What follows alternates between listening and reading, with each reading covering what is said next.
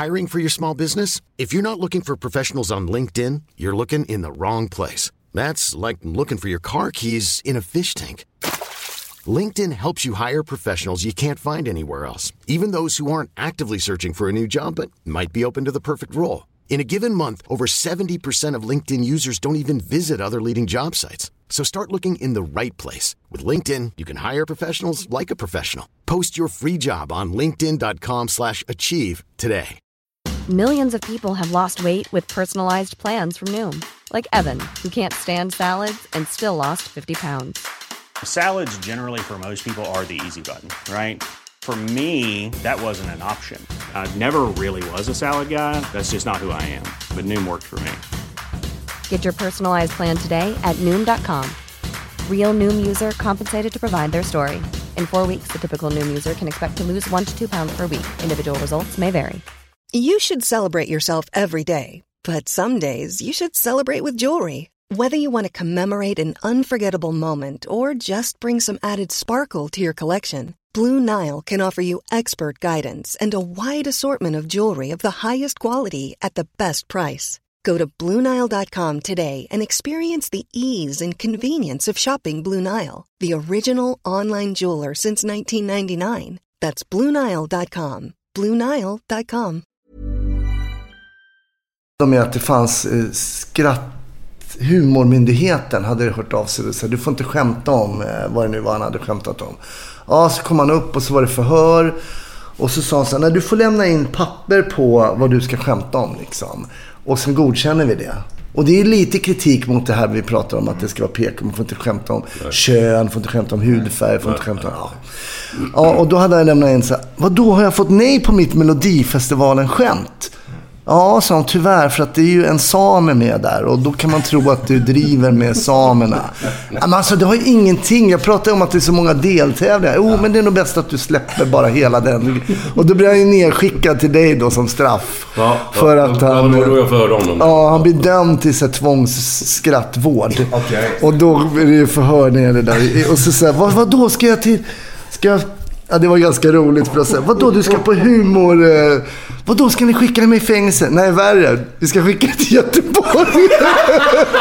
och, då, och då det var bra skratt inne i hela... För att liksom... Ja, så det blev, ja, det blev okej. ja, det blev jättebra Och faktiskt. så sitter han och förhör. Då sitter han och för och då måste han säga Måste han säga- ordvitsar. Sådana här ordvitsar. Och sen så, ja, då säger han en och han är helt så här, du vet, blek och sitter i en källare och så drar han en sån och då säger Glenn så här, ja, okej, men en till. Du får dra en till, sen blir det lunch. Nu är det fredag. Nu är det fredag! Nu är det götterna. götterna. Direkt från Göteborg. Med Micke Månaden och Glenn Hysén. Välkomna! Götterna. Tjena, det var Glenn här. Eh, välkomna till Gött Enna-podden. Nu kör vi igen. Och eh, vi har alltså en, en jävligt rolig person med oss idag. Han är före detta polis.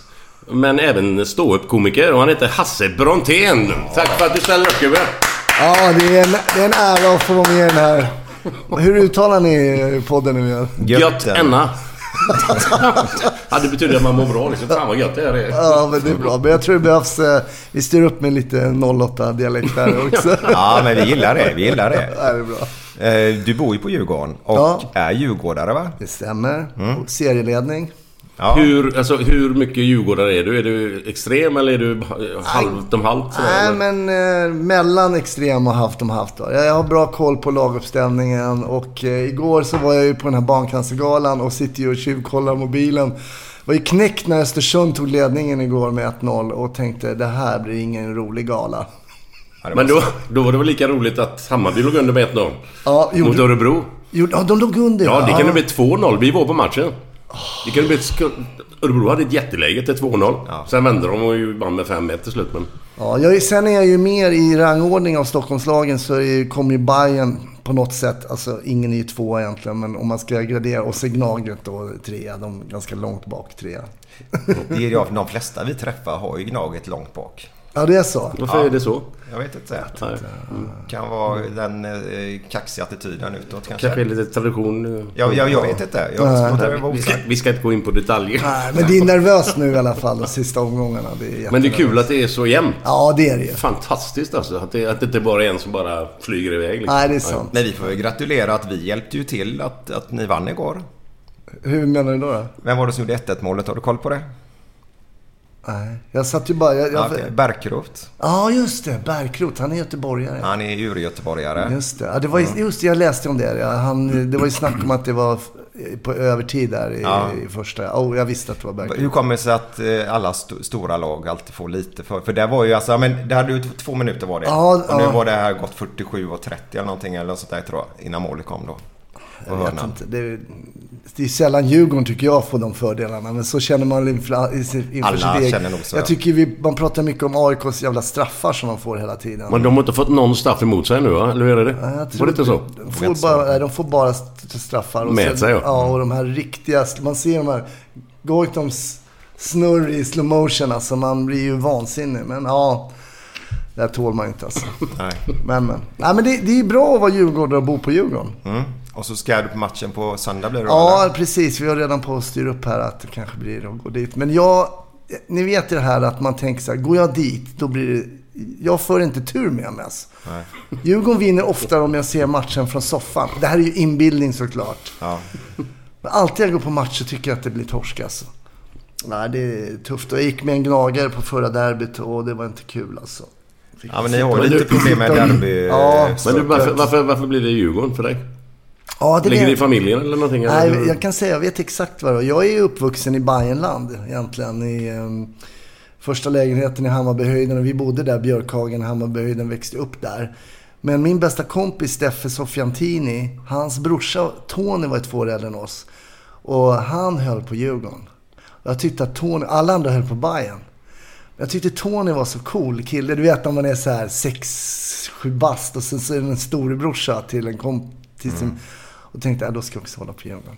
Var det, det var så enkelt? Det var så. Eller svårt nästan? Ja, precis. Svårt och enkelt. Men, och Stefan Sofiantin, som fortfarande är en av mina bästa vänner, han höll ju på Göteborg ett tag. Bra kille. Oj, vilken gubbe. När det var liksom, eh, när grabbarna, när alla Gläns lirade och eh, när, eh, vad hette han bolltrollaren där? Tobbe Nilsson? Ja, Torbjörn Nilsson och så här. Men sen bytte han, så nu han är bajare nu. Oj. Nej, Sådana där gillar vi inte som har bytt lag. Nej, det, Nej, man kan ju fan inte byta Nej, lag. eller- Det går ju nej, det är svårt det är det. Var det svårt? Har du gjort det någon gång? Nej, Nej. jag säger Nej. det, det är svårt. Ja, det är- Men det är ju lite, inte. det, det, det är därför jag hävdar ju att alla guys eh, papper som hjärntvättar sina barn till att bli gaisare. Att du är barnmisshandel tycker jag är då. Ett evigt lidande. Jag menar, det måste ju Ja, det regeringen måste ju gå in och göra. Och då, då tycker jag det är jävligt roligt med den här t-shirten som någon tryckte upp. Om det var en Blåvitt-supporter eller vad det var. Vad som har hänt sen Gais vann SM-guld senast. Det gjorde de 1954. Vi har landat på månen efter det och vi, har, det står ju massa uppradat. landat på månen bland annat och så var det något annat. Ja, det är grejer liksom. Ja, det, ja, Ja, men det är ju rått med hjärtligt. Ja, det gillar vi. Det gillar vi.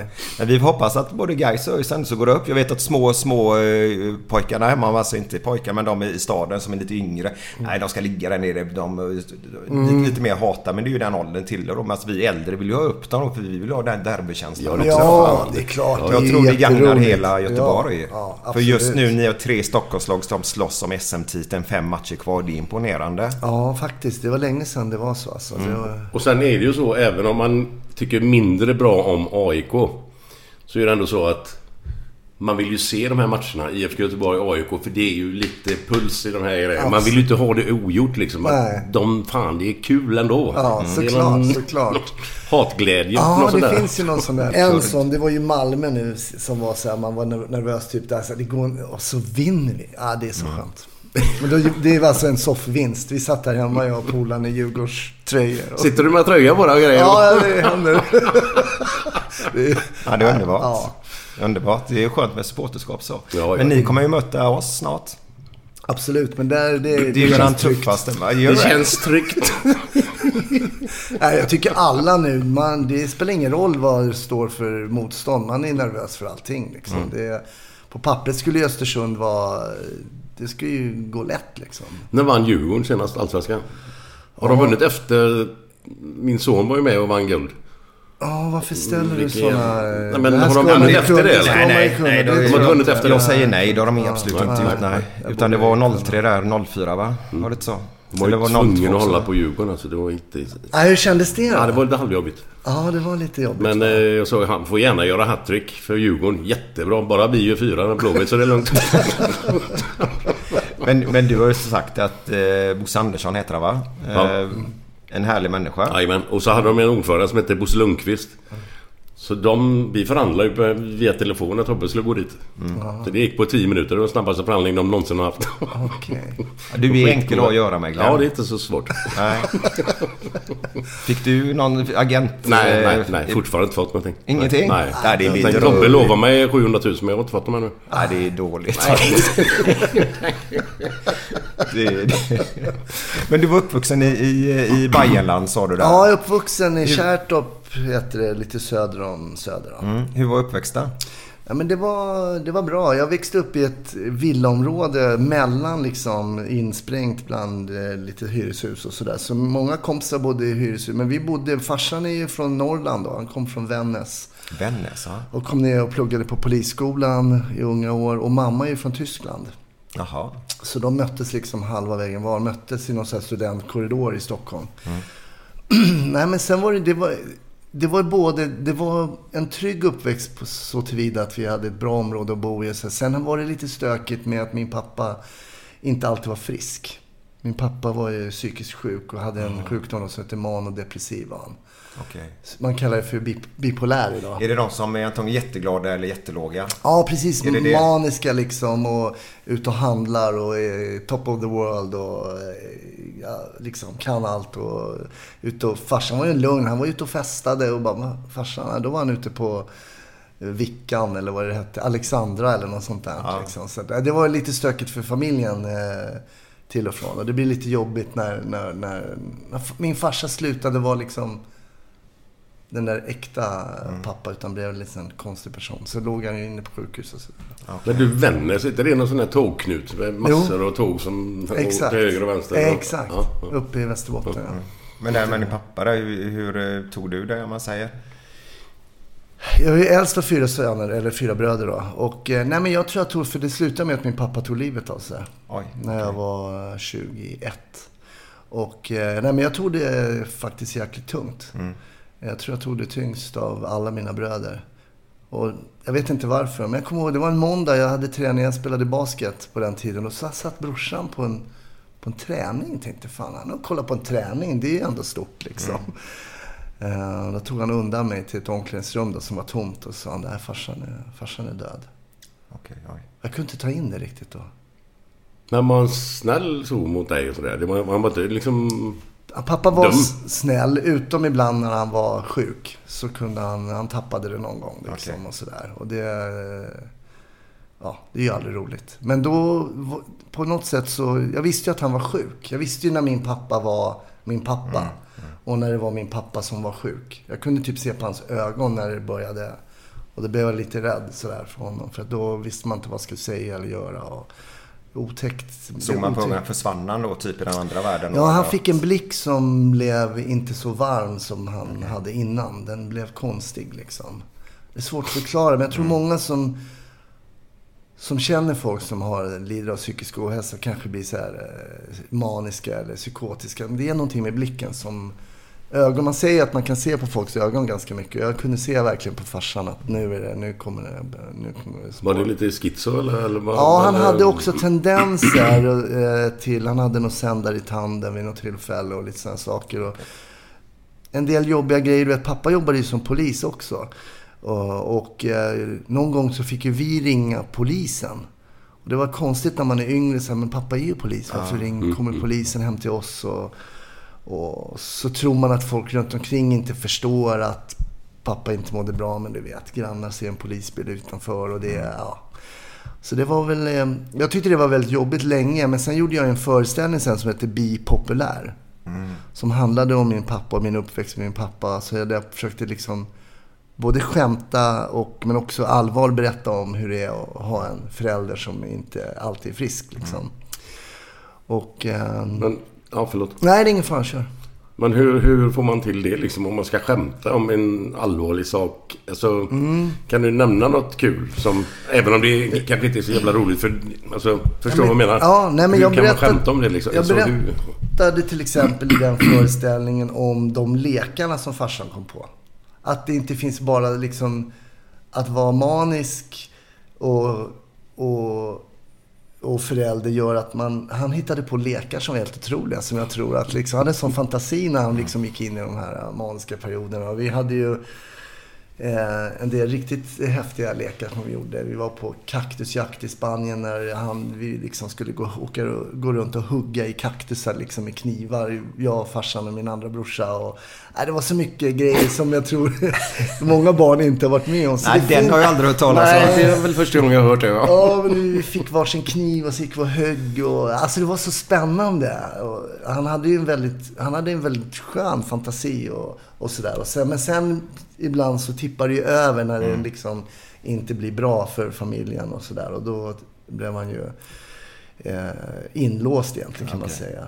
På, på psyket då. Ja, precis. Och jag var så nöjd att han blev, fick åka till Långbro sjukhus. För det fanns Långbro och Beckomberga i Stockholm. Och Jag fick för mig när jag var så här yngre att man sa alltid så här bäckis. Att det, då, där satt de som var riktigt. Jag tänkte att men då är min pappa kanske inte en av de knäppaste. Liksom. Utan, Det finns värre ja, det finns värre. Vad hette det i Göteborg? Kommer du ihåg det? Lillhagen. Lillhagen. Ja, eller Sankt Jörgen var ju också lite åt det hållet. Men Lillhagen var det jag var rädd för. För man som säger, för man hörde ju bara talas om vuxna. Man visste ju ingenting om det. Men, men hur... hur, hur eh, din morsa i det här läget, nej, hur, hur tog hon allt sånt här? Alltså, Alltså morsan har ju haft det jättetufft såklart. Och det har ju varit upp och ner och det blir ju oerhört påfrestande för en familj när någon är sjuk på det här sättet. Och sen när pappa jobbade som polis, ja, då kan jag inte jobba som polis, ja, då får man inte ha vapen. Sen kommer jag ihåg sista svängen, då kom man ju ut så här, men nu är du frisk. Ja, då var pappa frisk. Men han fick inte bära vapen när han kom tillbaka till polisen. Så fick han sitta på någon rote någonstans och så här, utreda olaga affischering eller vad vet jag. Och kände sig ännu sämre, mindre värd liksom. Ja, så det var mycket saker som gick snett liksom, tyvärr. Kan man medicinera den sjukdomen? Då fick han en, någonting som heter litium som är ett grundämne egentligen som då man saknar om man har den här sjukdomen. Då. Men vi visste inte. Jag kommer ihåg ibland att jag gick in i så här medicinskåpet hemma och kollade om pappa hade tagit sin medicin. Men jag visste ju inte hur många tabletter. Alltså, vi visste inte riktigt om man tog det eller inte och sådär. Så det var, det var mycket så här tankar när man var yngre och man tänkte så, åh jag skulle så gärna vilja växa upp i en familj som är normal. Men vilken familj är det, höll jag på att säga. Nej, det, nej. Det är alltså nej, jag kan alla- hålla med dig. Alltså även om inte alla har diagnos på pappret och så finns det alla familjer har sina grejer liksom sådär. Men andra tycker jag, jag tycker att min uppväxt ändå, sen har man ju bara sin uppväxt och Ja, och gå jämföra tillbaka med. Men jag tycker min uppväxt har varit bra ändå, även om det var lite stökigt så. eh, Med farsan. Annars tycker jag det har varit bra. Men kände du liksom av det här att fan, jag ska fan inte bli sån här. Jag ska, så man vänder på steken liksom att nu jävlar ska jag fixa detta. Ja, eller jag var mer kanske nervös att hoppas inte jag får det liksom. Nej, nej. Så. Så bara tänk om Ja, det är jag... ingenting man blir. Nej, men precis. Och pappa blev sjuk första gången när han var så här 25-26. Så att, eh, men nu har jag, nu är jag 52 nu. är det Jag hoppas att det ska bryta ut. Det kommer kommer efter 60. Jag bara vet aldrig. Nej, det kommer alltid efter andra barnet, vet du väl? Ja. Men grejen var att jag ljög alltid om att min farsa, jag ljög alltid. Och jag sa aldrig att min pappa var psykiskt sjuk när jag var yngre och så här. För att jag tyckte det var jävligt pinsamt. Ja, men det är ju inte konstigt. Man Så jag sa att eh, pappa när han var sjuk sa att han hade cancer. Ja, men därför folk tycker så ja men det är någonting som är fysiskt, det kan vi ta bort liksom. Jag vill inte att folk skulle veta att min pappa var konstig. Nej. På tal om, om lekare så har ju Glenn eh, har ju om Indien va? Vadå, men du ska, Barnen i ska man ta den? Ja, Eller vad menar du? Absolut, så har man hört det. Var indiska barn deras favoritlek? Vet du vad det är? Alltså, så dålig, det är så dålig göteborgsvits. Grymma! Den tycker jag var rätt hyfsad. Eller stark. Drog du den med han fången? Säkert, säkert. Ja men då, det, på tal om det, då finns det den där, alltså det är sjukt att jag kommer på äh, göteborgsvitsar, men det är ju den där, eh, vilken som är den mest välkomnande kryddan. Come in! Han kan allt. Ja, du kan, kan. Jag kan inte sitta med en... eh, Nej. Eh, Ordvitsarnas Men du, det, nu, vet inte, nu har vi ju ändå kommit igång här. Det, det var en flintskallig och en med hemorrojder. Som gick på samma fest. Vem av dem blev mest berusad? Nej, ingen aning. Den flintskallige. Fan vad bra i röven han kom.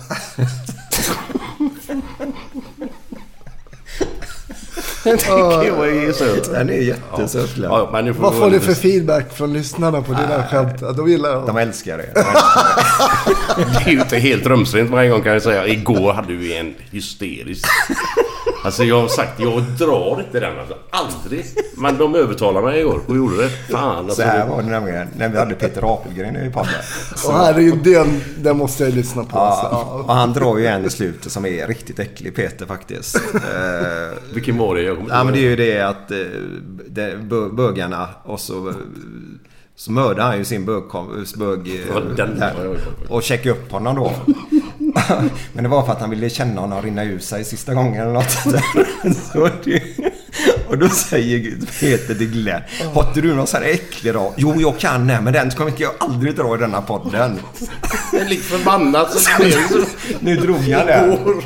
Men Kennedy, vi hade Kennedy i Nej, vad, vad tror Nej förlåt. Nej, det var inte roligt. Han det var drog en Marcus i podd nummer 100 då. Om ni vill gå in och lyssna på det så är det när vi fyller 100 avsnittet då. Då drog han den. Den är, den är fin är den. Jag får gå in och lyssna på den. Den är för jävlig. Du har ju... Oj, eh, ursäkta, ja. min kaffemaskin. Härligt. Det här kommer inte gå in, va? Nej, nej, nej. Det hörs inte. Men det är ju det vi gillar med att köra så här oklippt. Ja, man menar ju inget illa. Alltså det är ju... Fan. Och sen ingen min mobil på det. Härligt. Det var ingen mer som vibrerar här inne eller? Bebisen var skrika snart. Men vi kör lite fredagskänsla så länge då. Jajamän, jajamän.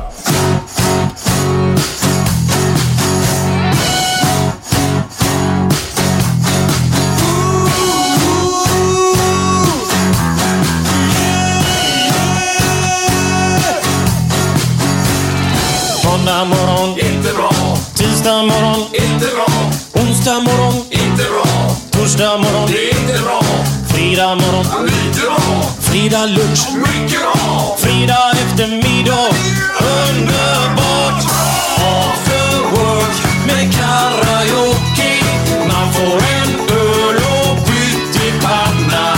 Fredag kväll och livet leker.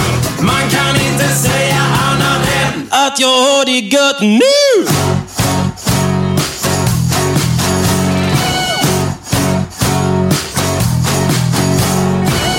Morgon, inte bra. Tisdag morgon, inte bra. Onsdag morgon, inte bra. Torsdag morgon, inte bra. Fredag morgon, lite bra. Fredag lunch, mycket bra. Fredag eftermiddag, underbart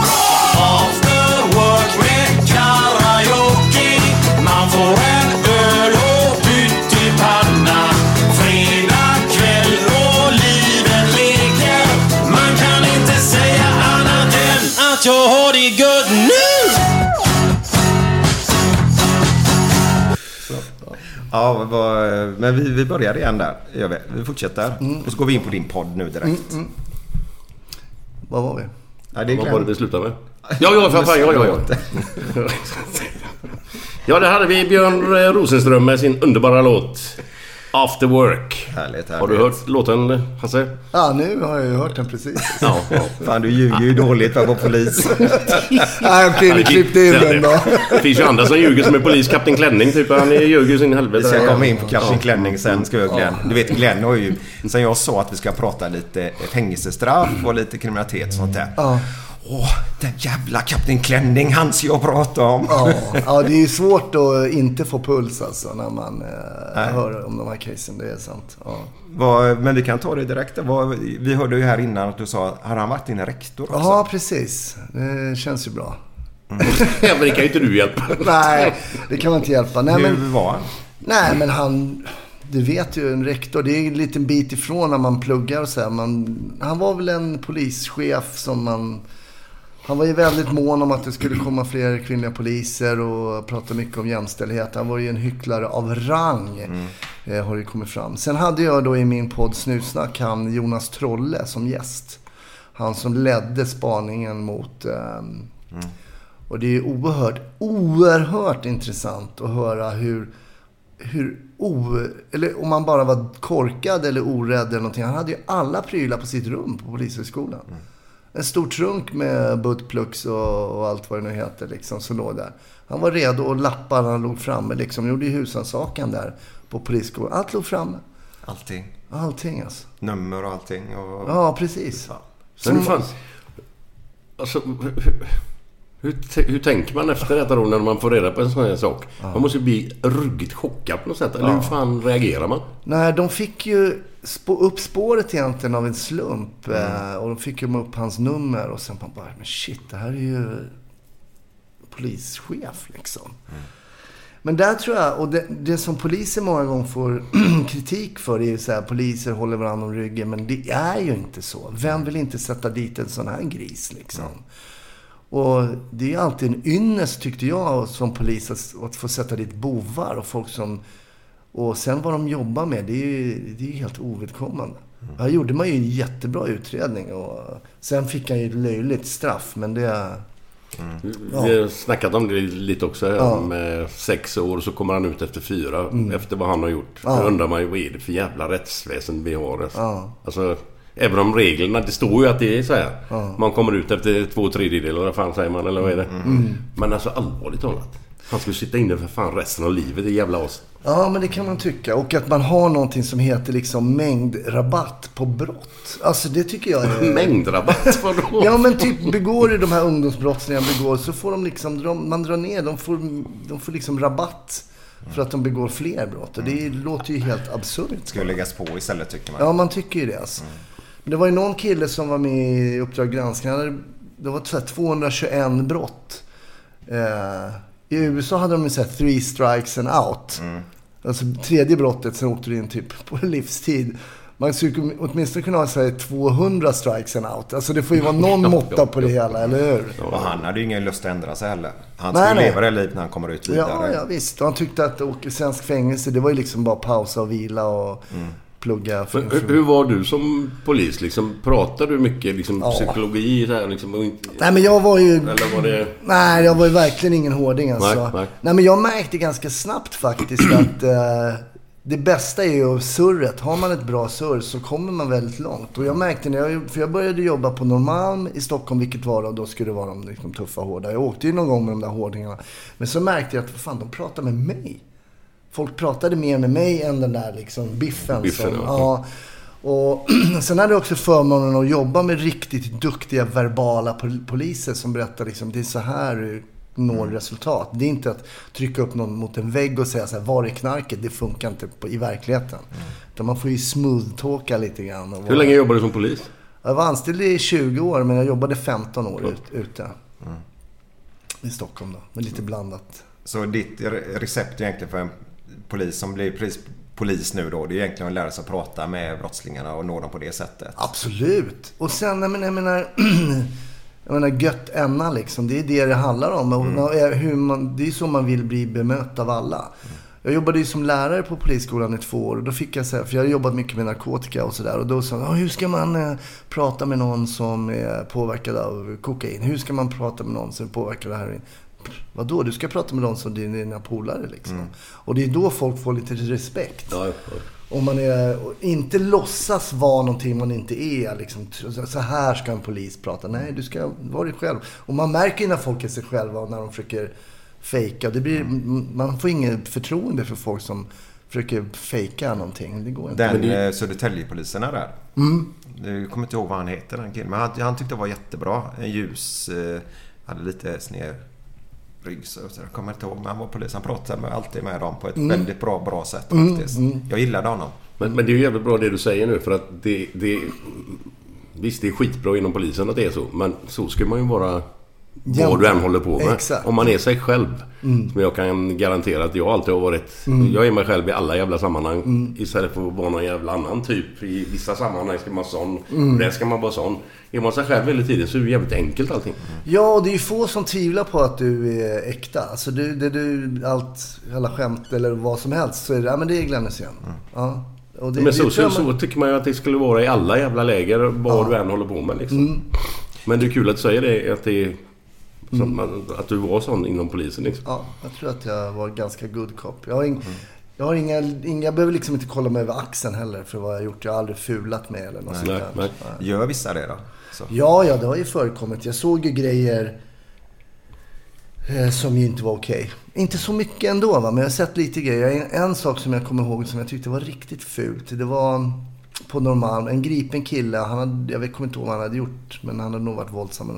Då var det en piketpolis som liksom petade. Han låg på golvet. Han petade med sin känga liksom i ansiktet på honom så här. Ska jag inte säga som det var, säg som det var. Men du vet, jag var precis ny, ny och... Men jag kommer ihåg att jag reagerade på det där. Så här kan man liksom inte bete sig. Sen tror jag att det har blivit mycket, mycket bättre. Sen jag var i början, 91 var jag klar. Det har ju blivit mycket, mycket bättre. Mm. Det där man hörde...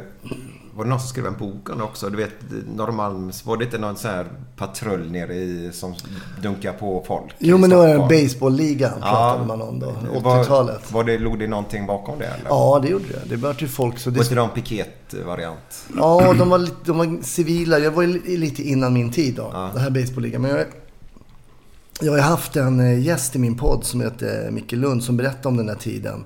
Eh, ja, när de spöade folk och körde iväg dem och betedde sig illa och där vägrade jobba med kvinnliga poliser. Och, och så jag sa du det till tjejerna? Så, Nej, fan jag vågar inte säga det till dem. Jag sa det till befälet så att han satte mig. Så de är liksom inte så jävla modiga heller. De vågar liksom inte säga Nej, det nej. i ansiktet. oss. men Jag tjejer jobba- är farliga, vet du. ja, men ibland så blir det jäkligt bra om man kombinerar patruller med tjejer, Mm. killar och, och ja, men alltså, så. Eh, Men han har blivit en, en riktig mjukfralla nu efteråt då. Mjukfralla. Ja, men alltså, ja, jag fattar vad du ja. menar. Men jävla roligt uttryck. Han berättade, de åkte i, så här, i centrala Stockholm i piketen. Man fick ju inte handla på Konsum för då var man ju sosse. Det fick man inte vara. Nej, var det Ja, så? då var det så. Konsum höger, C vänster. Berättar.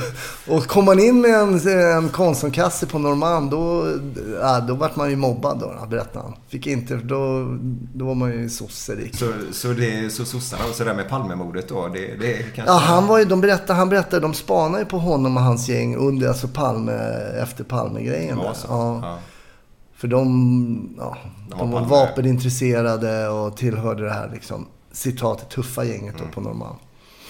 Så att, nej men tiden har ju förändrats kraftigt. Ja, men det är roligt när du säger det för i, jag är målare då. Ja. Och vi märker ju ute på byggen och sånt där det kommer in lite mer tjejer i byschorna och detta då. Mm. Arbetsbordarna. Eh, det blir ett bättre klimat. Mm. Blir det. det blir lite trevligare faktiskt. Det blir inte så himla gubbigt. Det är mycket harang om man säger. Alltså man, ja, man drar sig med olika grejer. Och det, Jo, jo. det där att man slipper det. Och jag personligen tycker det är ganska skönt. Men jag kan märka det när jag är ute och giggar som ståuppkomiker också. Om man har företagsfester med respektive eller utan respektive. Skillnad, om, va? eh, ja. Det är tar ner liksom. Det dämpar och det är bra. Alltså för i alla fall för mig. Ja. Men det blir inte lika roligt. Nej, men jag kan säga att tjejer är... Man, jag vill ha tjejer i publiken för de är mer... Killar kan vara lite så här, De kan sitta med så här, okej, ska vi se hur kul är det? Jag är rolig. Nu ska vi se, kom igen då, roa med din jävel. Och sen så... Det kan vara tufft med, om det bara är snubbar också. För det blir sån här pres- prestigegrej liksom. Man vill ha tjejer. Tjejer, de bara garvar. Är det roligt så är det roligt. Ja, de har inget prestige. De har ingen prestige i det, liksom. Men du, varför slutade du med polisen? Liksom, Eller bara tröttnade du på skiten? Eller vad? Ja, det var lite så faktiskt. Jag eh, sökte... mm, Först sökte jag till livvakt. Jag ville göra någonting annat. Fick, eh, du vet, jag kom till psykologen och sökte till livvakt. Och hon, Och så bara, skrattar hon bara tittade på mig och sa så här, jag kan säga direkt, du är rökt alltså. Du kommer aldrig bli livvakt. Varför? Nej, jag var helt fel alltså. Jag var alldeles för utåtgående, liksom social och jag hade... Man skulle kolla, man satt ju och kollade i något sånt jävla cyklop så skulle man bedöma om det var så här farliga situationer. Nej, jag missade. Jag, missade. jag hade ju skjutit helt fel alltså. Nej, men det- det samtidigt som jag står och drar liksom vitsar för det kungen eller statsministern så, så blir folk skjutna bakom så, Har du hört den där? Har du hört den där? Och bam, bam, bam, bam. Vad fan det där? Så, eh, ja, men, det, var ganska roligt. För jag sa till honom, psykologen. Okej, du säger att jag skulle vara värdelös livvakt. Men om du nu vet vad jag inte ska jobba med, vad ska jag jobba med då? Och då sa han så här, "Nej, men du är duktig och det kan vi se för de gör ju mycket tester. Alltså det var ju två dagars tester man fick sitta och, med pennor och kryssa i och de fick instruktioner i lurar och samtidigt som man skulle räkna ihop några mattetal så skulle man sortera kort och nej, det var struligt. Och då, du är bra på att göra om min, om min sambo hör det här nu så kommer hon inte tro på det. Hon sa, du är bra på att göra många saker samtidigt. Hör du det nu älskling? Han sitter och ljuger här nu. Eh, Men så sa men du är också väldigt verbal. Så du skulle kunna jobba mer med din verbalitet eller något sånt där. Och sen kom, kom jag in på Säpo, men som spanare. För då, det dög jag tydligen till.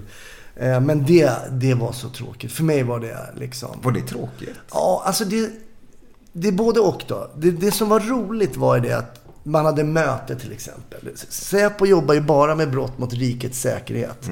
Och det är inte till exempel narkotikabrott, det är inte rikets säkerhet. Utan alltså spionage, terror eh, och ja, höger-vänster Ja, just det, eh, ja. terrorist, alltså de här AFA och nazisterna och sådär. Va? Så det som jag tyckte var jävligt spännande med Säpo, det var ju när man hade utbildning och möte säger så här, ja vi har varit i London, vi har träffat MI5. Eh, de säger att de här personerna är på väg till Sverige. Och det är inte, han ska inte bli vaktmästare på den här ambassaden utan det här är en eh, underrättelseofficer. Vi måste ha koll på honom så att inte han driver agenter i Sverige. Och då tänker man, "Fan, det här är ju asspännande liksom. Men sen när du ska sitta och kolla på en björk liksom i fyra veckor. Det är... Jag Kolla på en björk. Nej, men säg att det, om vi är en spangrupp. Ja, Glenn, du tar porten. Ja, Micke, du tar baksidan. Ja, du- du tar nästa korsning. Du tar korsningen där. Av allting täckt. Jaha, jag då? Ja, nu kan vi sitta och vänta lite. och det fanns ju inte Candy Crush och Netflix och sånt på min tid. Vad gjorde jag? Jag lyssnade på P1 och så bakprogram på P1. Bakprogram på Ja, men P1. allt, allt som rullar på P1. Alltså, sen, eller löste korsord, eller vad ska man göra? Ja. jag kände, det här tar koll på mig. Och sen sökte jag några andra tjänster som jag var intresserad av. Det fanns här, man hanterar eh, tipsare på Säpo och sånt. Alltså det kom ju in, folk hör ju av sig och säger, ja men den här killen kanske är terrorist. Sånt tänkte jag, det, det, då kan jag träffa dem på stan och ha möten och det vore ju spännande. Måla upp det som i i filmer nästan, som då? eller? Ja, precis. Men det fick jag inte heller. Och då... Jag har alltid gillat stand-up som underhållningsform. Varit på Norra Brunn och kollat och sådär. Så höll jag på mycket på Blaja när jag var yngre. Jag vann någon talangjakt när jag gick i sjuan och höll på att ploja och sådär. Så jag har alltid gjort det på amatörnivå. Men så kom jag in på en kurs på Dramatiska institutet. Med Babben Larsson och... Ja, Adde Malmberg, Adde? Malmberg var det. Ja. Adde Malmberg. Jag tror Babben var där och gästföreläste lite. Och så kände jag, fasen det här är kul alltså. Då sa de så här, ah, nu får ni 20 minuter på att skriva någonting om eh, er uppväxt eller någonting. Shit, så man satt och skrev och så här. Ja, och så en del saker garvade folk åt, en del var helt värdelöst. Men så kände det här ska jag kunna göra som en liten hobbygrej. Köra lite stand-up. Men sen började det rulla och sen var det en oerhörd fördel för mig. Så här, ah, han är inte men han är polis också. Va? Hur fan går det ihop? Så då, jag fick ganska mycket jobb. I början drev jag ju bara med polisen. Ja. Om du vet att man, folk som kör om en polisbil, hur sakta de kör om och vapen, alltså allt sånt där. Så sen efter ett tag tänkte jag, "Nej, jag tror jag chansar, jag säger upp mig alltså. Chansar, köper det här. Och så, kör, och så kör du det på heltid då? så kör jag det på heltid. Gör du det fortfarande? Eller, Ja, eller mer eller ja, mindre? ja, sen dess. Ja, nu har jag lite sidoprojekt som min podd, eh, Snutsnack. eh, Men annars är det det som jag försörjer mig. Vi, vi, vi, tar snutsnack här då. Det är ju din Ja. podd som du har. Ja. Du har ju gjort 103 avsnitt sa du nu va? Ja, 104 till och med. 104 nu var det. Ja, och vi Det var mitt mål att 102 gå med, gå mer var mitt mål. Ja, exakt. Det gjorde du ganska snabbt. För Glenn kör sina fyra månaders pauser här och där. Ja, en gång har det hänt. Ja, ja. Så var inte elak nu. Nej, jag skojar bara lite älskling. Vad... eh, om man vill, tycker det här samtalet är intressant så måste man ju tycka att din podd är intressant också. Ja, men jag hoppas det. Min tanke med... Först, jag har skrivit upp en del grejer som jag tyckte var udda, som jag har varit med om i mitt polisiära liv. Jag kommer när jag och Glenn var med i det här um, vinterspelen i Åre. Då skickade de alla på ett hotell och jag och Glenn vi fick vara på samma. Så han fick berätta fotbollsskrönor och så drog jag någon polishistoria. Och då drog jag en historia om när jag fick gå ner på en porrklubb i Stockholm. Och jag var, jag kan säga, jag var 27-28 år. Jag hade aldrig varit på en porrklubb i hela mitt liv. Men jag, började, jag hade lät ju håret växa. Var ju inte så gråhårig som jag är då. Men jag hade ju liksom page. Jag stod ju som en indian. Vet. Då sa jag, du Brontén får gå ner i den där eh, porrklubben där kolla läget. Jaha, ja, okej. Då kommer vi in på den här jävla porrklubben. Jag kan säga, det var en dörr. Lappen var inte större än alltså en halv centimeter där det stod PIR 59, hette den där klubben. Kommer in där, alltså bara så svarta sopsäckar för fönstren. Går in, skum lokal. På den tiden var det ju VHS-filmer liksom. Ja, det. Det var inga bilder, det var bara så här nedstucket så här kollegieblock. Två killar, en tjej. Eh, du vet, stod bara med... Någon hade skrivit med en bläckpenna. Satt en kuf bakom ett, ett skrivbord så här va. Jaha. Och sen bredvid där hade han ägg 10 kronor. För potensen eller vadå? Alltså jag tänkte, det här är ju stört vad de ska hålla på med de här äggen liksom. Och så stod det, en trappa ner, 80 kronor. Jaha, tänkte jag, vad hände där nere? Liksom, det... Så, ja, men eh, jag betalade 80 spänn, gick ner. Och jag kan säga, jag hade ändå vapen på mig. Jag har aldrig varit så nervös. Vet du. För du, jag visste inte, det var helt beckmörkt nerför en trapp. Kommer ner. Då ser jag att det flimrar lite så här från en tv-apparat. Eh, Då sitter det en snubbe och tajar i en fåtölj. Vilket, då ska man liksom... Hur ska man bete sig? Då får luta sig lite mot dörrposten och Tjena! Läget? Så var det någon eh, film där och sen trycker någon annan snubbe på en annan. Nej, det var så absurt alltså. Va? Förlåt? Ja, då, du en, det satt en, en en, ja, en annan. i en soffa längre bort där. Så de hade ju full live där nere. Va? Oh, jag hade sån puls alltså. Jag visste inte hur jag skulle bete mig. Sen så gick jag där i lokalerna och försökte kolla hur många rum det var. Och så hade chefen sagt kolla om de har nödutgångar och sådär. Så gick jag upp igen. Då säger den här killen, du på torsdag, då ska vi spela in en porrfilm här. Så om du är med, vill vara med, då betalar du bara 80 spänn. Och så går du ner i källaren och så får du vara med liksom. Ja, det låter ju intressant jag ska fundera på saker. Så jag ska kolla kalendern. se, se vad jag gör på torsdag. Och så kunde jag inte låta bli att snegla på de där äggen där. Ah, fan, ägg 10 spänn. Ja. Så gick jag tillbaks till station, så snackade jag med min kommissarie och sa han så här, vadå 80 spänn för att vara med i en porrfilm? Det är ju koppleri då. Du betalar och så får du sex liksom. Köper då. Nej, vi gör tillslag på torsdag. Ja. Så det, jag åkte dit på torsdag då, men det blev ju... jag fick inte vara med i någon film. Eh, då går de ner där och så kommer vi in efteråt, för det var en annan kille som gick in och så avbröt de hela den här... Eh, det stod en taxichaufför där, du vet, med taxibrallorna på kvarten och det var full... Eh, ja. Eh, och så tänkte jag, och då den där snubben är ju där också, så hon lyser upp och säger, jag måste ju... Nu ska jag fråga om äggen alltså, för jag har inte kunnat släppa det där med äggen. Äh, Så gick jag fram till honom och sa, du, eh, kan du berätta bara vad, eh, vad gör ni med de här äggen? Vet du vad han svarade då? Nej, det är bara om man är hungrig. 10 spänn. Jag bara, "Va? nej men du måste, nej. Nej, bara, han bara, jag jobbar i Frankrike. Då ofta så köpte man ägg, bara så kokt ägg. Men ska du gå in på den porrklubben och, käka- och skala ägg och liksom trycka i ett kokt ägg mitt uppe i alltihop. Alltså det är så absurt allting. Och jag kommer ihåg... Jag hade förväntat mig någonting helt annat. Och det, den här, ja precis. Alltså, man, det är bara fantasin som sätter gränser. Va? Och då kom, sen när vi hade kört eh, klart det här vinterspelen i Åre där var ju ett gäng. Och Harald Treutiger var med också. Ja, det var jag. Ja, ja, vi tävlade. Då hade ju Glenn lagt ner ett ägg från frukost. Så då hade lagt ner det vid väska eller vad. Ja, vad härligt. Ja, men, men det var därför, alltså, många sådana här konstiga historier som man är med om.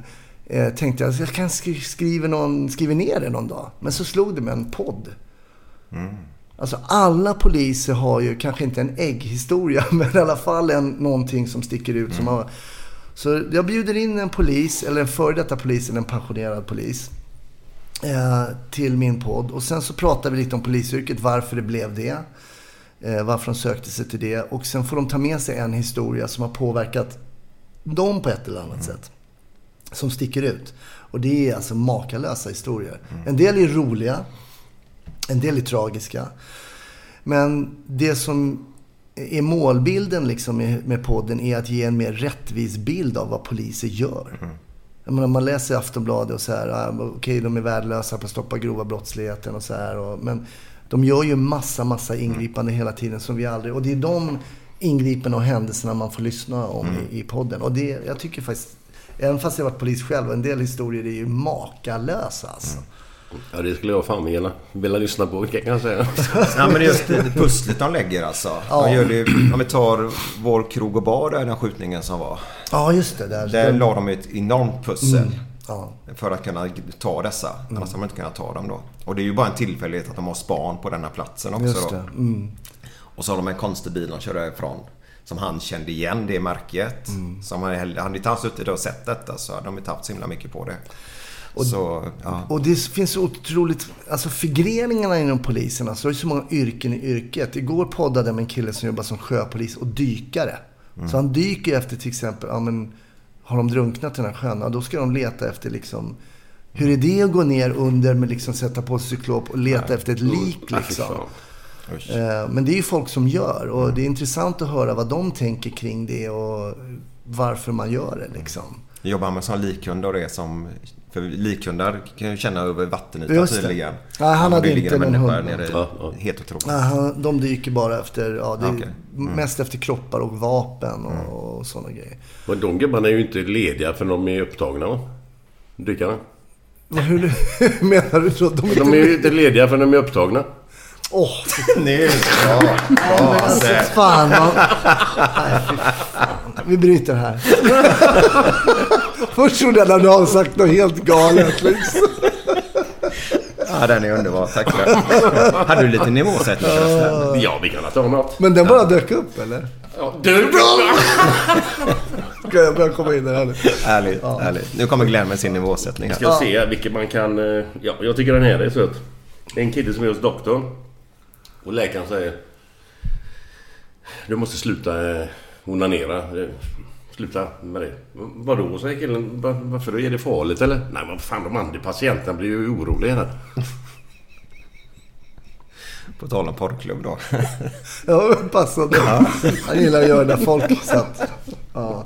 Jag kan inte så många. Men har du hört den där eh, att de ska börja... Vet du vad göteborgarna säger nu? De ska börja köra stand-up på spårvagnen. Nej. Vad säger man då eh, när spårvagnen blir sen? Vadå hysen eller? Förlåt. Kollar inte ens göteborgarna är med. men det? spårvagnen blir sen. Sen. Sen, jaha så. Man står på en scen. Det är inte så dumt. Men det, det, när, ni, när ni måste tänka i 45 sekunder, då är det ju... Det har du lyckats. Men det kanske beror på att det inte var så bra kanske. Ja, det kan ju vara både och. Ja, det kan vara både och. Ja. Ja. Men Kapten Klänning där Ja. och lite straff där som vi är inne på. För Glenn har ju... Jag personligen tycker ju det är ett bra redskap det där med två tredjedelar. Okej. Eh, nej, men det är ju för att kunna... Missköter du i ett fängelse så kan du få den tredjedelen att sitta kvar. Alltså du får ju, de kan ju öka ditt straff när du sitter inne om du arbetsvägrar, om du beter dig illa, om du smugglar in grejer och sånt. Så får du straffpålägg inne i när du sitter inne då. Eh, det jag tycker är väl... Det låter ju så dumt. Får du nio år får du sitta sex år. Du får tre års rabatt då. Då är det bättre att man säger att de får sex år med möjlighet till nio år. Om du förstår mig rätt nu.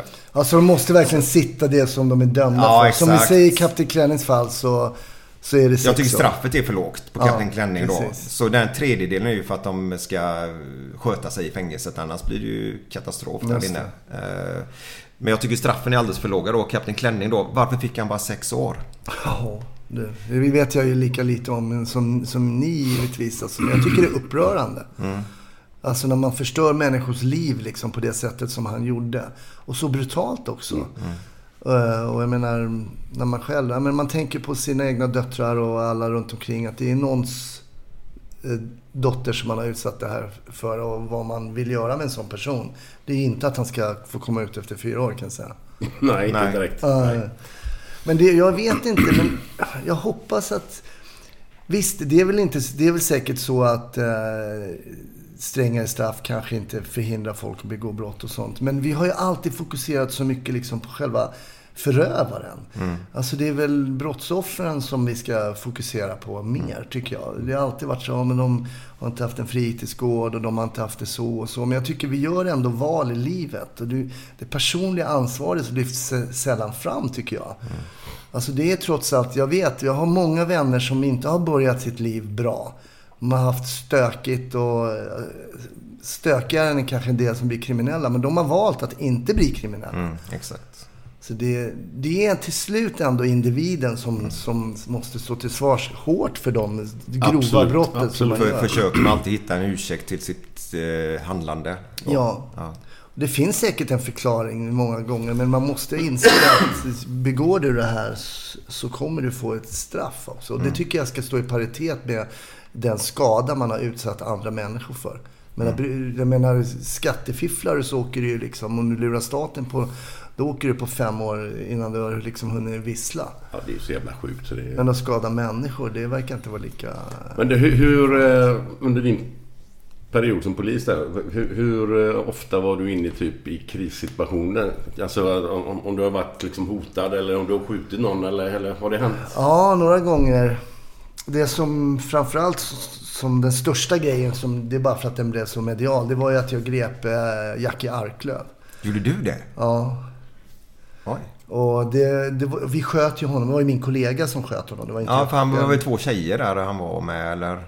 Nej, det var, nej, vi var bara killar. Var det Tony Olsson det eller? Var inte? Eller? Nej men han... Eh, två, nej, han var själv när vi Ja men de tjejerna han hade ju bott hos dem. Han var ju också i psykos nästan ju.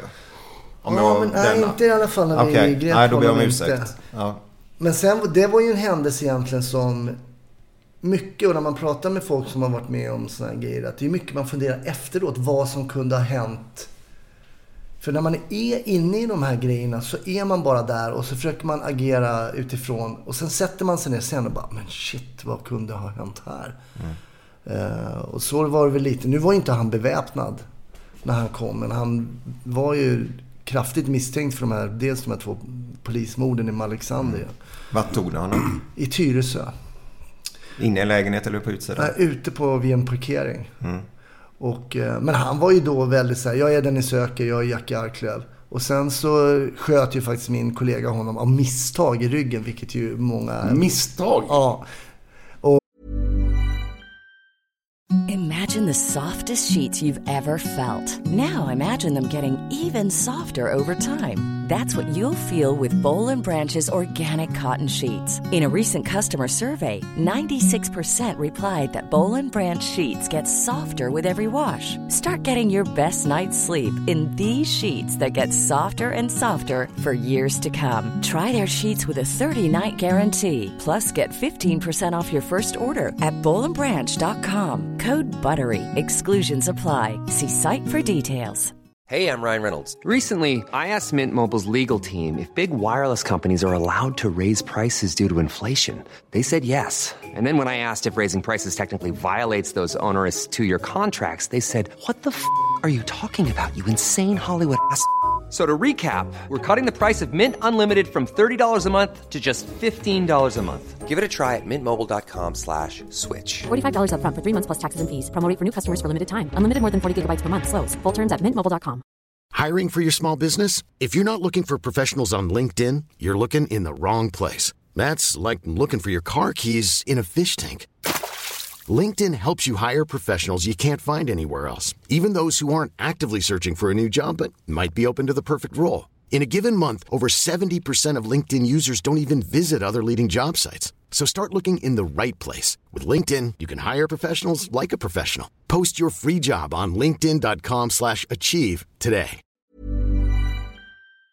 Och många menar ju på att misstag, citat misstag. Men jag, jag är helt övertygad om att det faktiskt var ett rent vådaskott. För att han var bojad en- på en hand och sen skulle liksom eh, min kollega gå över och liksom boja på andra sidan. Och då brann det av ett skott i ryggen på honom när han låg ner. Jaha. Oj. Så att, eh, men sen var det många som bara, ja det är klart att det var en hämnd och så. Men jag är rätt övertygad. Men det kunde väl han ha lite. Jo, men det kan man ju tycka. Men det var ju, i sådana fall är det ju inte helt lagligt. Då. och det var ju det många trodde, att det var liksom en hämnd då för kollegorna. Eh, Men jag åkte med Jackie Arklöv in i ambulan- med ambulansen in till sjukhuset och han hade perfekt blodtryck. Han hade så här 125 genom 80 eller någonting och var genomskjuten liksom. Oj. Och man tänker, men hur är det möjligt? Den träffar ingenting. eh, Han, är- han kunde lika gärna ha dött där alltså. Absolut. Om det har varit lite Abs- oflytt. Absolut. Eller liksom förlamad eller skjuten i ryggraden eller någonting. Men, Men hur, hur gör ni polisen när ni jagar en polismördare? Ja, det blir går man upp ett vi... steg då, Ja, eller? men alltså det Det måste ju blir... vara frustrerat. Jävlar. Ja, nej, men då alla är på tå. Mm. Och det är någonting som faktiskt var så... Man pratar om så här kåranda i polisen. Det säger, låter ju någonting, som någonting negativt. Men för mig var det alltid någonting positivt egentligen. Vi var ju så här, händer någon, även om inte jag gillar Glenn. Mm. Och vi jobbat tillsammans. Om han tryckte på larmknappen. Då kom jag på 30 sekunder. För Mm. det, var, det är liksom min kollega. Och så var det alltid. Och det, det var ändå en... Det är en speciell... Det är en speciell man, ibland känner man sig alla hatar oss, ingen förstår oss. Vi är poliser. Vi försöker Mm. bara vara good guys. Ehm, Men man förstår ju varför också det uppstår. Därför man har det här våldsmonopolet och det är fotbollsmatcher. Ja, men det har ingenting med de poliserna att göra. De som var där. Det är svårt att förklara Mm, för hur det är. Det är liksom komplext. Men har du, har du känt dig liksom, fan, nu dör jag. Nu, alltså, nu, nu, nu är det någon jävel som skjuter mig eller någonting. Eller, eller har du varit i någon sån situation? Nej, inte klockrent så att nu dör jag. Det har jag inte varit i. Men jag har varit många gånger efteråt där jag har tänkt så här, oj det där var inte bra alltså. Jag har ju stuckit med en, i och för sig en gång har jag nog tänkt att, för det var jag stack mig på en kanyl på plattan. Och det var en sån grej som, eh, jag tänkte så här, ja men nu dör jag. Alltså nu dör jag, nu blir det Sixten Herrgård. Platta menar du på Sergels torg Ja, på? Sergels torg Ja, ja. ja, ja. Okej. Och- Och vilket år var detta ungefär? Ja, det måste ha varit 92, 93 Ja, okej. någonting. Ja. Då var det inte så här... Då fanns det inget botemedel heller, va? Bromsmediciner och sånt Nej. där. Då ringde jag till min brorsa som pluggade till tandläkare. Han bara, men slappna av alltså. Vadå? Hur gammal var den där kanylen? Och så. Men ändå, det spelar ingen roll vad han sa. Jag hade fått den rätt in i fingret liksom. Och så någon heroinist nere på eh, Sergels torg. Så du trodde helt enkelt att du hade fått aids? Då? Ja, Eller ja, det var ju klart. Det är klart man tänkte så. Fy fan, hur länge gick du och tänkte på det? Ja, ganska länge. Först blev jag så här nolltestad så att man inte hade det redan innan. Och sen så efter sex månader så blev man testad igen. Och då, ja, jag tänkte på det till och från hela tiden. Särskilt i början, sen släppte det lite. Ja, vad hette han basketspelaren? Johnson? Michael Johnson? Hette han så? Nej. Nej. Vad hette han? Nej, nej, nej. ja. Magic Johnson. Ja, Magic Johnson. Ja. Men vad han inte förnamn kommer jag inte ihåg. Vet ni hur han satte sina poäng i basket? Ja, han nu är gjorde det, nu är det han skämt. hivar i dem. Han hivade i dem, ja. ja det lite gulligt. Ja, det måste komma ett skämt. I det mest allvarliga som finns måste man skämta också. Nej, men det är ju faktiskt, jag gillar ju det för du sa i din, din ståuppare där du gjorde om din pappa. Ja. Så var det då i, i allvaret så, så Mm. gick du in och skämtade om det också. Mm, mm. Och jag tycker ju att det då oftast blir väldigt fint. När man både är nära Mm. skrattet och gråten. Ja. För då kan det bli mycket känslor i en. Det är sant. Jag tycker poliser är faktiskt bra. Vet, de kan hantera humor bra. Vi skämtade ju ofta i polisbilen efter dödsfall och det är ganska makaber humor alltså. Men man är tvungen. Därför För, att för att ut- gå igenom skiten. För att gå igenom det. Och det har man ju läst om till exempel de som satt i förintelselägren. De drev ju med varandra. Och berättade att humor fick oss att liksom, fan du har gått upp lite i vikt. Hur, som de såg ut. Alltså det, det, är- Man kan inte förstå att de... Men gemensamt i den gruppen så var det humor. En bra grej med... Jag tycker det här är ett ganska bra skämt. Det, det är There we go. Ja, det här är inte så tramsigt, men det är mer ett, eh, ett skämt som jag tycker är lite mer eftertänksamt. Det är, det är en förintelseöverlevare kommer upp till Gud, dör och kommer upp till Gud. Eh, och så drar han ett förintelseskämt om förintelsen. Och då säger Gud så här, nej, det där, det där var verkligen inte roligt. Och då säger den här killen som överlevde förintelsen, nej, du kanske skulle ha varit där. Ja, eftertänksamhet kan man säga. Ja, och när man inte om kontra tror på Gud och inte tror på Gud. Om Gud skulle ha varit någonstans så hade det ju varit läge att vara i någon av de där lägren kanske. Så det, det, ja. men det är bra lager på det skämtet ändå. Ja, fick jag lite ont i magen nästan när man tänker på det. Så det... Men du, din, din podd där. Ja. Du har haft en livepodd med denna podden, Mm, eller? precis. Vad, vad hade du det och hur funkar det lite grann? Det, det körde jag på Intiman, Teater Intiman i Stockholm. Och då bjöd jag in två kriminaltekniker. Mm. Eh, två riktigt duktiga kriminaltekniker. Och sen stageade jag ett mord eh, på scenen där. Eh, så låg en docka med och sen lite olika eh, eventuella brottsvapen. Och sen fick de berätta exakt hur jag skulle göra om jag var kriminaltekniker för att gå tillväga för att lösa och hitta spår. Och sen så varvade jag det med filmer, alltså med vanliga spelfilmer. Hur de gör på film. Jaha. Och sen titta, Typ Beck och så här, sånt CSI och eller? sånt Okej. där. Och sen så fick de berätta varför det här inte funkar. Det var Ja, någon, vad intressant. Ja, så det var något klipp från så här CSI. Någon har kört iväg med en bil och sen så kommer någon expert. Han tar fram en penna. Petar ett hjulspår. Han bara, ja det är en Camaro, en 69. Eh, och bara, man kan garva åt det liksom så här nu.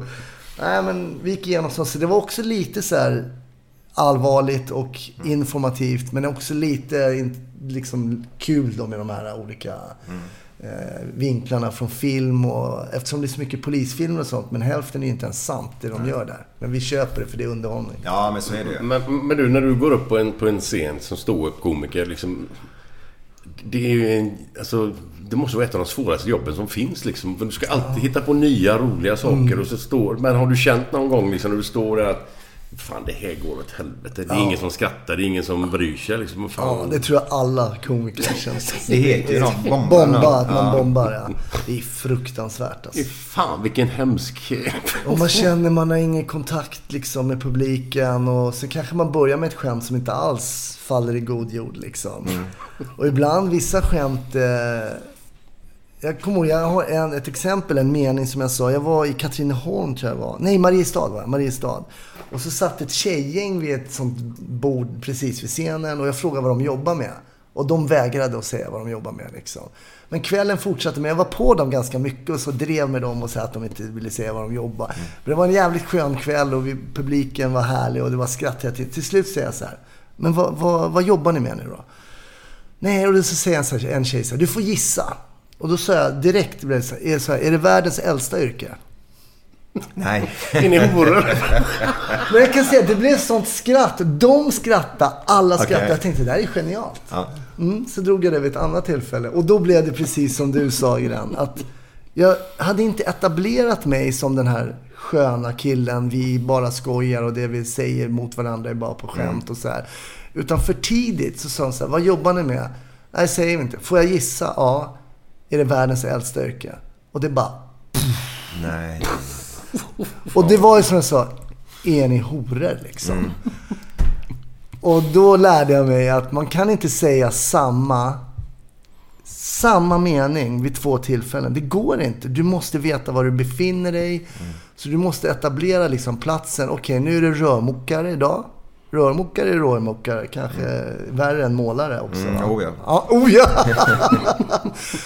och nästa gång kanske är för statsministern och riksdagsgruppen. Ja, men då kanske jag måste anpassa mig lite grann. Och den här situationsanpassningen är väldigt viktig för en ståuppkomiker. Jo, det förstår jag. Och ibland är det learning by doing alltså. Att då blir det de här bombningarna när man inte har fattat vad jag är och vad jag säger till vilka personer. Men sen å andra sidan så måste du ha upplevt mängder av gånger när det har varit så jävla klockrent. Så det har ju varit fantastiskt Så jag inte ens åt andra hållet liksom. Så jag tänker så här, lugna er. Så här kul är det inte. Alltså, absolut. När det bara allting rullar, alla grejer, man snackar med publiken och säger så här, men du ser ut att vara pilot, sa jag till en kille en gång. Han bara, jag är pilot! Nej. men hur kan det ens hända? Hur kan det ens hända liksom? Och då, när allt bara faller på plats liksom. Och ibland blir det bara fel.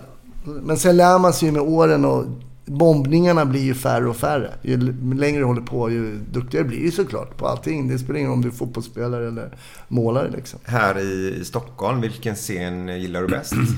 Det finns väl två som man föredrar. Det är ju Norra Brunn och Rå. Eh, Rå är mer en teaterscen uppe vid Slussen på Hilton. Där eh, folk sitter liksom som en teatersittning. Eh, vilket alltid är bra. Men den mest klassiska liksom stand-up-scenen i Stockholm är väl Norra Brunn. Som är liksom en krog där man går och käkar och tar en bira och lyssnar på stand-up. Det är, det är väl det mest klassiska, som man, där alla trivs. Där man känner personalen, man sitter bakom i köket och surrar och snackar skit om andra komiker innan man går upp. Känner du pratar om polisen där, där i gemenskapen. Det där att händer det den polisen någonting så är du där på 30 sekunder. Hur, hur är det i komiker... Inte riktigt eh, likadant kan man säga. Men eh, samtidigt så finns det nog ändå, måste säga, jag tror det finns en ganska tydlig ömsesidig respekt. Liksom just det att man vet om hur det är att stå där uppe. För om folk inte garvar så då är det stökigt i huvudet alltså. Då måste man försöka... Och så vet jag, jag ska stå här i kontraktet står det 30 till 40 minuter. Då får man jävla leverera 30 till 40 minuter också annars... Har du, har du gått av scen någon gång? Ja, har jag gjort. Vad hände? För att det var för dåligt eller? Ja, det, jag var i Jönköping. Jag kommer ihåg, det var ett sånt här gig precis efter sommaren. Så var det eh, så här, ett lastbilschaufförer på Elmia-mässan i Jönköping. Jag kommer dit. Då står de utanför, dricker bira och eh, grillar typ hamburgare och är packade. Klockan är alltså 19 på kvällen. Så sent? och jag kände direkt att det här, det här, det här blir tufft. Alltså rent spontant så snackar jag med ansvarig, så tittar jag, du vet den här mässlokalen, det är så här 30 meter i tak. Och sa så här, du, eh, du har ingen scen, för DJn har satt upp sina grejer, så det fanns ingen scen. Oj. Och då sa jag, men jag måste stå på någonting. Ja, men vi fixar det. Ja, då kom de med två lastpallar som de jag fick, skulle stå på då. Ja, och då sa jag till den här killen, det är viktigt nu när du presenterar mig att försök få lite fokus från publiken så att det blir tyst, för det var ett jävla liv där inne. Ja, absolut. Så kom han upp så märkte han att ingen lyssnar ju. Så han blev ju livrädd. Så han bara skriker Hasse Brontén. Vadå Hasse Brontén? Och det här var för några år sedan. Ingen visste vem fan Hasse Brontén var. Ja, så jag kommer upp där, står på några lastpallar. Försöker dra några bra startskämt. Ingen lyssnar. Någon sitter med en stor finsk flagga så här framför scenen. Och. Ja, så då försöker jag dra någon fin-skämt där då. Den fattar inte ens svenska. De var ju finnar. Så då, då var det bara så här, tack jag älskar er, klev av. Och då sa han så här, ja men vi kanske kan eh, testa lite senare. Jag tänkte bara, aldrig i livet. Kommer, Det är ändå värre nej, det kommer inte gå alltså. Fan, de blir ännu mer fulla då ju. Sen gick det fem minuter, sen tryckte DJ på liksom fullt ös där inne och då sa jag, nej det här kommer inte funka. Han bara, nej jag ber om ursäkt och han fattade att det här var fel forum. Så jag åkte hem, så jag åkte fram och tillbaka till Jönköping, kanske stod fem sex minuter. Max fem Men jag tänkte på det. Där är det ju dessa som står här. Alltså, de blir ju påtvingade dig lite grann. Exakt, exakt. På Norra Brunn kommer man ju dit för att man vill lyssna. Ex- det Där är blir- ju den stora skillnaden kan jag tycka då. Ja. För det är inte ens säkert de vill lyssna på det här. Exakt. Det är, helt, det är de, så här, du vet, festkommittén på något företag. Så här, Mm. men, då är det någon som gillar stand-up, men kanske 70% inte gör det. Mm. Och det är de man måste försöka vinna då. På något sätt. Men då kan jag, det, det kan inte jag förstå. Att någon inte kan tycka det är kul med stand-up. Nej. Det är ju för fan skitroligt. Jo men du vet de som där snackar sina lastbilar. Jag håller ju med Glenn. Men... Jo, jag fattar vad du menar. Absolut, jag fattar exakt Men sen du du vet, menar. firmafest. Någon vill limma på sekreteraren Ja, och någon vill... Ja, Alltså, men det kan man fan göra efteråt då. Ja, faktiskt. Ja, han gjorde ju det efter sex minuter. ibland får man, jag har ju skickat ut folk och jag har satt, jag har varit ibland... Det var en dam som satt och ylade under något gig där. Till slut så sa jag det. Det var tre komiker innan mig. Vi var i någon håla någonstans. Och hon satt, hon förstörde verkligen. Hon satt och förstörde. Och de försökte vara vänliga och försökte skoja. Och de försökte med allt. Till slut sa jag när jag kom upp så här, du har två val innan jag börjar. Innan jag börjar så. Sitt ner och håll din käft. Eller gå härifrån. Vad gjorde hon då? Hon bara, men jag hjälper ju bara till. Nej, du förstör. Ja, exakt. Men du vet, jag fick, det var ju jobbiga första tre minuterna man började. Men, Skälla det, men det, blev, det blev bättre. Men det, jag, så hård har jag aldrig varit någon gång innan. Men där kände jag, det var point of no return. Alltså hon kan inte vara kvar i lokalen. Men, men, men du, du, du är ju sjuk i huvudet själv. Som jag tycker är jävligt roligt. Men vem är den sjukaste du har liksom, den, så, i Ja, den men här det är ju? Marcus Berggren, eran Är han, är han västkustkille. sjukast? Ja, det är så. I senast jag uppträdde med honom, han är väldigt rolig, då kom han ut på en sån elcykel, du vet, som man kan hyra på stan. Mm. På scen, i en jävla labbrock och... ah, han måste ni ha som gäst också. Han är, han är, han är en god kille alltså. Han driver också en podcast då. Ja, just det, det gör han ja. Tombola med Carl Med Carl Stanley. Stanley, ja. Mm. Nej, men han, sen... Många, ibland är det någon som man kanske har tyckt så här, det här är inte min favoritkomiker, som kan överraska Mm. med nya grejer. För vi ser ju varandra hela tiden. Men vem, vem, vem är din förebild då? Alltså en... förebild vet jag inte riktigt. Men... Eh, Ja, som du själv gärna tittar på. Ja, men jag älskar Johan Glans. Alltså, jag tycker han, är väl, han har en otroligt hög lägstanivå. Han har också förmågan att, all, att alltid egentligen bara driva med sig själv. Och han är, ja, jag, jag tycker han är väldigt, väldigt rolig. Jag tror de flesta håller med dig där. Ja, men sen har det blivit lite så här, ska man gå på stand-up ska man se Johan Glans liksom. Men sen skulle jag säga att stand-up i Sverige håller en bra nivå. Det behöver inte vara Johan Glans eller Henrik Schyffert, utan de flesta är bra liksom. Som är på de större scenerna, för man får ju jobba sig upp. Man är kanske först och håller till i någon källarlokal för några fyllon. Och sen så får man liksom jobba sig upp och så får man mer och mer tider och så är det någon som bokar som är där. Och det är ju så man får liksom på de större scenerna. I, idag när du hittar dina skämt, är det mycket eh, nyhetsskämt om man så säger vad som händer i samhället idag? Eller vad hittar du ditt Både och. nya Det som är material? problemet, med- man har ju haft en roligt skämt om till exempel eh, något som någon har sagt, sagt, någon politiker. Men det dör ju om en månad är det dött. Ja. Så därför vill man gärna ha skämt som kanske kan leva i alla fall, typ år. Mm. Eh, och sen får, så byter man ju ut hela tiden. Så man försöker ha skämt som, är, som inte bara försvinner liksom. Har du något sånt här klassiskt med dig? Precis, det var det jag skulle säga. Alltså, jag förstår att det är jävligt jobbigt, eller svårt Ja, att komma bra. fram. Men alltså, vad, är, vad, är, vad är något av det roligaste du har sagt liksom? Alltså, alltså, du, Ja, vi har haft så lågt som möjligt. Så, lågt som möjligt. men jag hade ju ett skämt som rullade. Nej, men det är, sen är det, tycker jag det är så svårt att återge stand-up i en annan form. Ja, jo, det förstår jag. Men man, jag hade ju mycket polisskämt där som, som det här med att eh, när man beskriver... Alltid när man satt i polisbilen så höll man ju hastighetsbegränsningen. Eftersom man satt i en polisbil. Och då överdriver man ju alltid som komiker. Så, men var det 70 då höll jag 65 liksom. För då blir det så jävla roliga långa köer bakom. Men så är det alltid någon som skulle köra om polisbilen. Till slut var det någon jävel som bara, men han kör ju inte 70. Jag ska fan köra om polisbilen. Och det kunde ju ta för fan ett kvartal att komma om en polisbil. För det var ju inte så att man blixtrar förbi. Nej. Och så handlade det om liksom att jag, så fort de var jämsides, då ökade jag på lite. 70. så att de blev så jävla stressade. Och så tittar man in och ser hur jävla stressade de är. Och så lät jag dem köra om. Och sen stoppade jag dem bara för sakens skull. Men mycket sådana liksom. Men jag har ju släppt hela den där polisskämtsgrejen. det? Ja, mer eller mindre faktiskt. Men det är många som säger, du måste ta med. Men ja. Sen vill man inte bli den där, och det är han poliskomikern. Alltså man vill inte... Mm. Jag hörde ett sånt där ill- illasinnat rykte en gång. Och så, ah, Hasse Brontén, om han, han inte skämtar om polisen, då har han rökt. Då Aha. kommer han, han, kommer inte, han funkar inte som komiker liksom. Du, förresten var Filip Tänkte, det där måste jag överbevisa. Såtte de någonting om Norra Brunn nyligen i sin podd, tror jag. Och så tror jag de nämnde dig. Jaha, okej. Nu kommer jag inte ihåg vad det rörde sig om lite grann, men det var det här...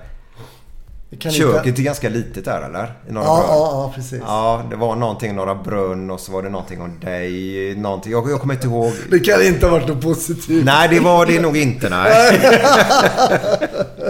Men du har ju varit med på det här grillade ett antal gånger va? Ja, ja det var ju, alltså Fy ditt fan vad avsnitt. roligt alltså. Det är ju vansinnigt kul att se på. Det spelar ingen roll vem som är med men fy fan. Helt vansinnigt kul.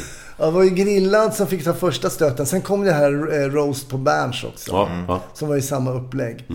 Men alltså...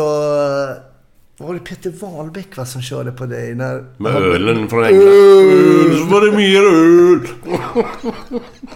Nej, det var Och så, och så dreglade jag efter eh, Linda Bengtzing också. Just det. Just det, för ni körde någon dans... Nej, det är ett Ja, sång... sångprogram var det. Ja, just det. Ligger det någonting bakom det då? Nej, inte ett Han var ju grym. Han var fantastisk. Alltså. Peter? Ja, han är ju sjuk i huvudet alltså. Ja, som, som alla de är. Ja, nej, roligt. Vad är det roligaste programmet du har gjort om man säger spelat in för TV? Eh, nej, men Parlamentet tyckte jag var väldigt roligt att göra. Eh, det är nog det roligaste. Då... Det, det går ju bara, får jag bara fråga dig lite grann. Jag vet inte om de har skrivit om det eller inte. Men alla tror ju, jag har ju fått för mig, du får säga om jag har rätt eller fel. Ja. Alla tror ju att allting som sägs där när lilla slingan kommer i nederkanten, att man tar det på uppstuds.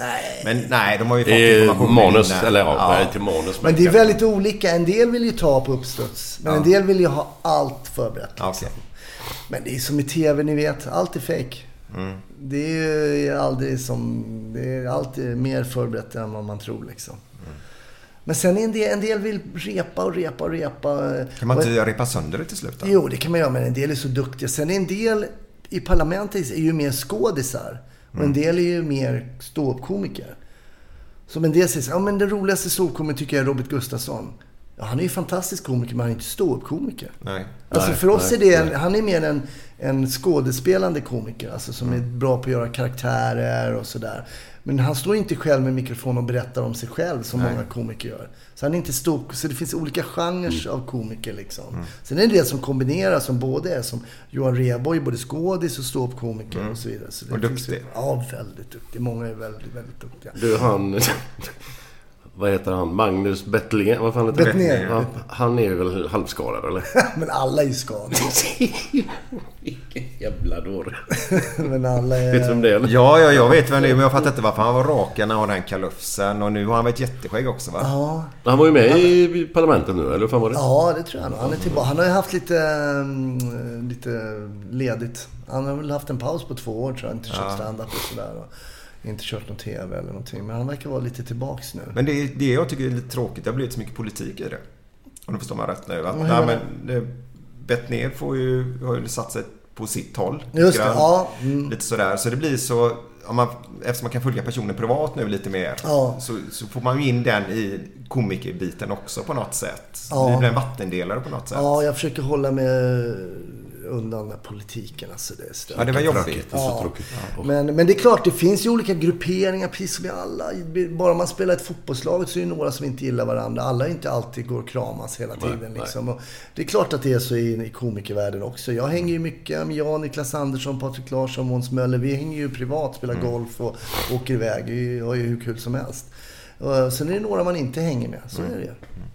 Du och Niklas, är ju då, Niklas har varit med i den här podden. Han var med oss i Helsingborg. Jajamän, jajamän. Och han, vi kollade på Blåvitt i Helsingborg där nere. Ja, på en liten ja, fest det vi är hade. fantastiskt. Superskön kille. Han brukar vara med på våra fester vi har i, på John Scotts också. Absolut. Liverpool-fan då. Vilka håller du på utomlands? Eh, det är ju Tottenham, det är Hotspurs då. då. Eh, det är väl som att hålla på uh, Guys. Nej, de har, Tottenham de de ju de har gått fan- mycket bättre Ja, sista ja, åren måste ja, man säga. ja. Men tidigare har det varit. Men där är inte jag sån super. Som Niklas är ju verkligen sådär varje gång på Twitter. Som, ja. oh, nu gick det hem liksom. Så det, han är ju mer Liverpool som jag är Djurgården. Men Mm. Tottenham är mer så här. Det är inte... Men Går, går du på de flesta matcherna på Djurgården hemma? Nej, inte eller? de flesta ska jag inte säga. Nej. Men eh, jag går på några matcher, det gör jag varje, varje år. Så går jag på lite matcher. Men som jag sa innan, går jag, då är det torsk. Säger han. Han får sitta hemma i soffan och ha det gött istället. Men kan inte du gå på några matcher nu som kommer nu då? Så blir det Ja. torsk så vi kan få lite poäng.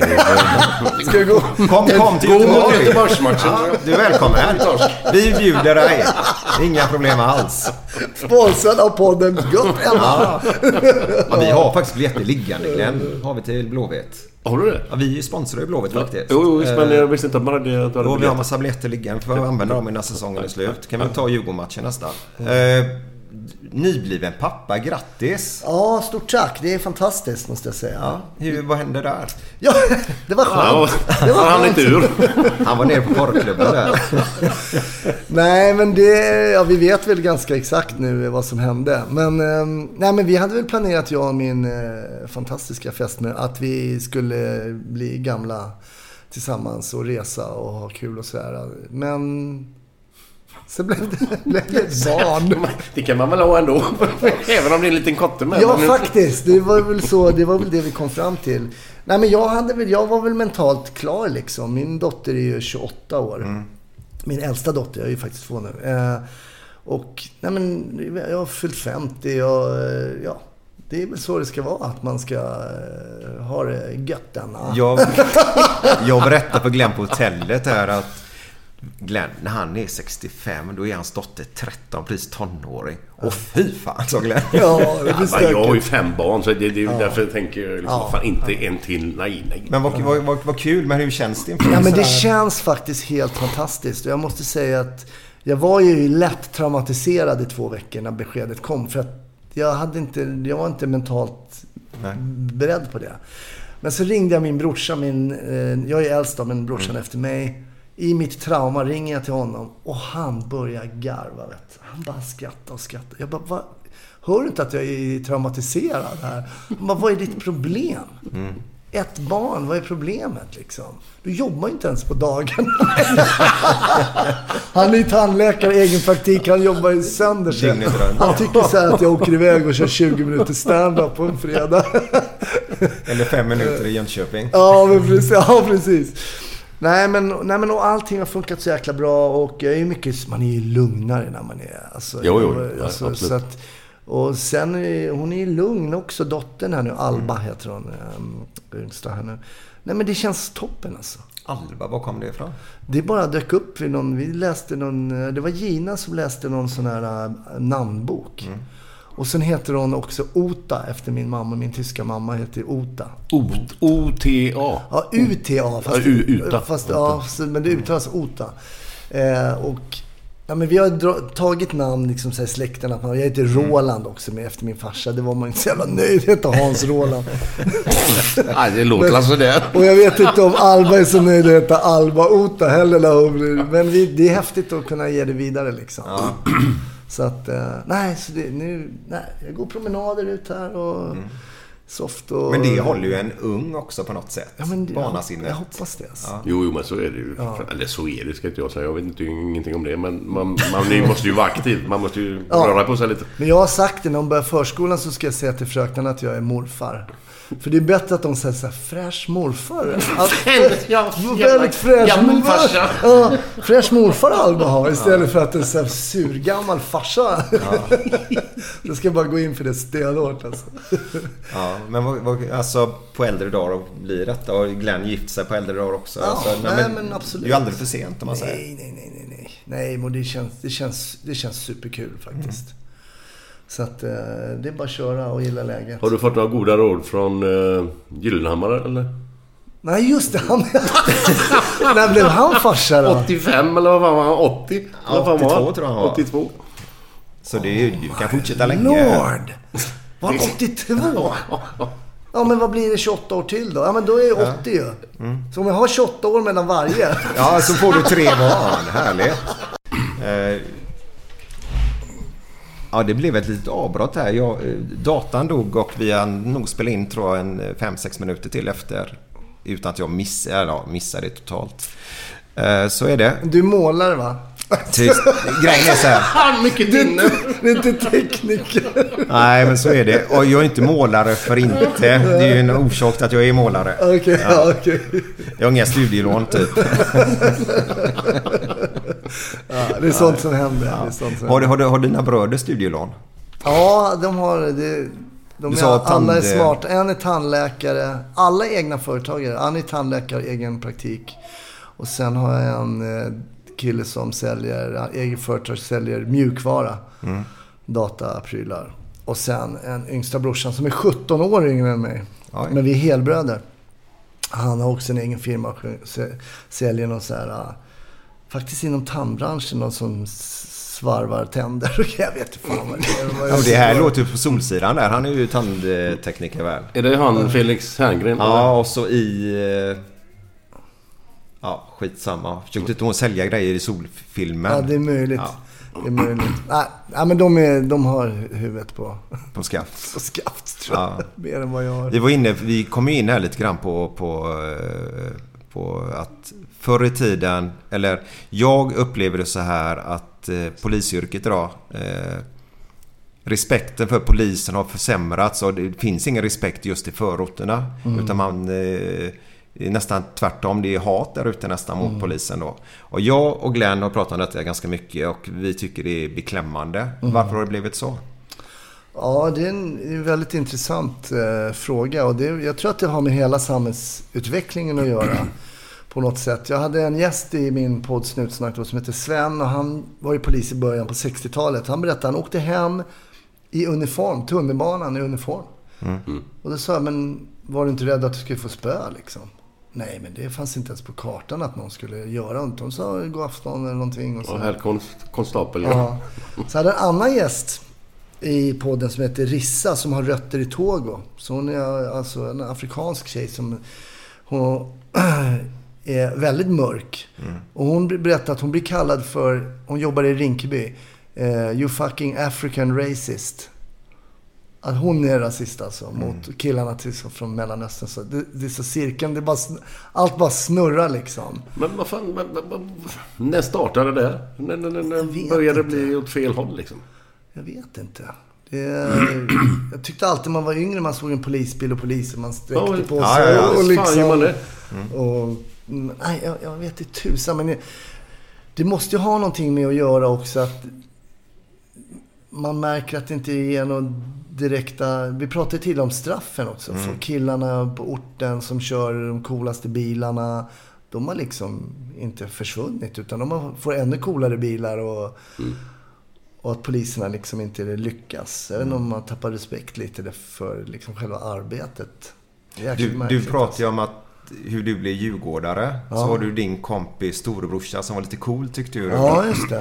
De här kidsen då, för det är ju oftast kids. Eh, ser de upp till de äldre i förorten Absolut. som, och så gör de likadant så försöker de Absolut. få en position i den gruppen då eller? Absolut. Och plus att man också är duktiga på att utnyttja de här killarna som ser upp till de äldre. Alltså, Mm. Som får göra skitgörat. Få, som får transportera kanske narkotikan eh, mellan orter med moppar. Och, och så är de inte ens brottsmyndiga. De är inte ens 15. Nej just det, det var ju på, på eh, Efterlyst där visar de ju han eh, 17-åring som går in och avrättar han på, på pizzerian där. Mm. Eh, jag tror han fick tre års ungdomsvård. Maxstraffet för en 17-åring för mord är fyra år, Glenn. Fyra år är maxstraffet. Och därför blir det ju nu att det går ner i åldrarna ändå mer. För, kommer du ihåg han Solvallamördaren? Ja, just det. Som sköt Joxo. Ja, exakt. Och han gjorde det en månad innan han fyllde 21. För då visste han att han inte kunde få livstid. Så du menar att han gjorde detta? Han visste om exakt vad han ja, gjorde? Ja, ja, ja, ja. Det var planerat och han var tvungen att skynda sig vart han skulle plocka honom då. Och då visste de att han höll till på Solvalla då. Just det. Han har varit där och rekat en gång innan och sen sitter han där och väntar på honom. Går fram och skjuter han med två olika kulor då. Eh, helmantad, eller vad heter det? En som stoppar och en som gör sönder i kroppen. Ah, okej. En går Hade igenom. han två olika vapen? Jag kommer inte ihåg. Eller, Ja, två olika kulor tror jag. I- har två olika typer av Ja. eh, ammunition. Ja, jag förstår. Ja. Eh, och då gör han ju för, för han tyckte det var värt att sitta typ 6-7 år på fängelse för sin grupp då. Just det, precis. Eh, sen mördade han ju en kille till sen i Finland då. Eh, men det är en annan sak. Eh, När han kom ut igen? Ja, ja, ja, man gör ju det. Man gör det innan 21. Vad fick han Och- då? och nu är Tre det- månader? Eller vad fick han då? När han sköt Djokovic menar du? Ja, det vet Nej, jag, jag tänkte, nej, jag bara skämtar. Jag kommer men- inte ihåg faktiskt. Men eh, just att nu pratar de ju politikerna att minska, att det inte ska vara någon straffrabatt, ungdomsrabatt. Nej, precis. Och då tycker jag så här att det är ju jättebra men då kanske man ska göra det i, i organiserad brottslighet om man säger gängkriminell Sen kriminell jag- miljö då. Sen tror jag att det är också mycket... Det är, om, man går, om man liksom ska vara... Det är också en föräldrafråga. Mm. Det, är alltså, det, det börjar redan där. Att liksom, vad är rätt? Vad är fel? Vad gör du? Vad gör du inte? Alltså farsan tog mig i örat. Och det var, jag hade ju kompisar hemma. Det umgås inte med honom. Det var punkt slut.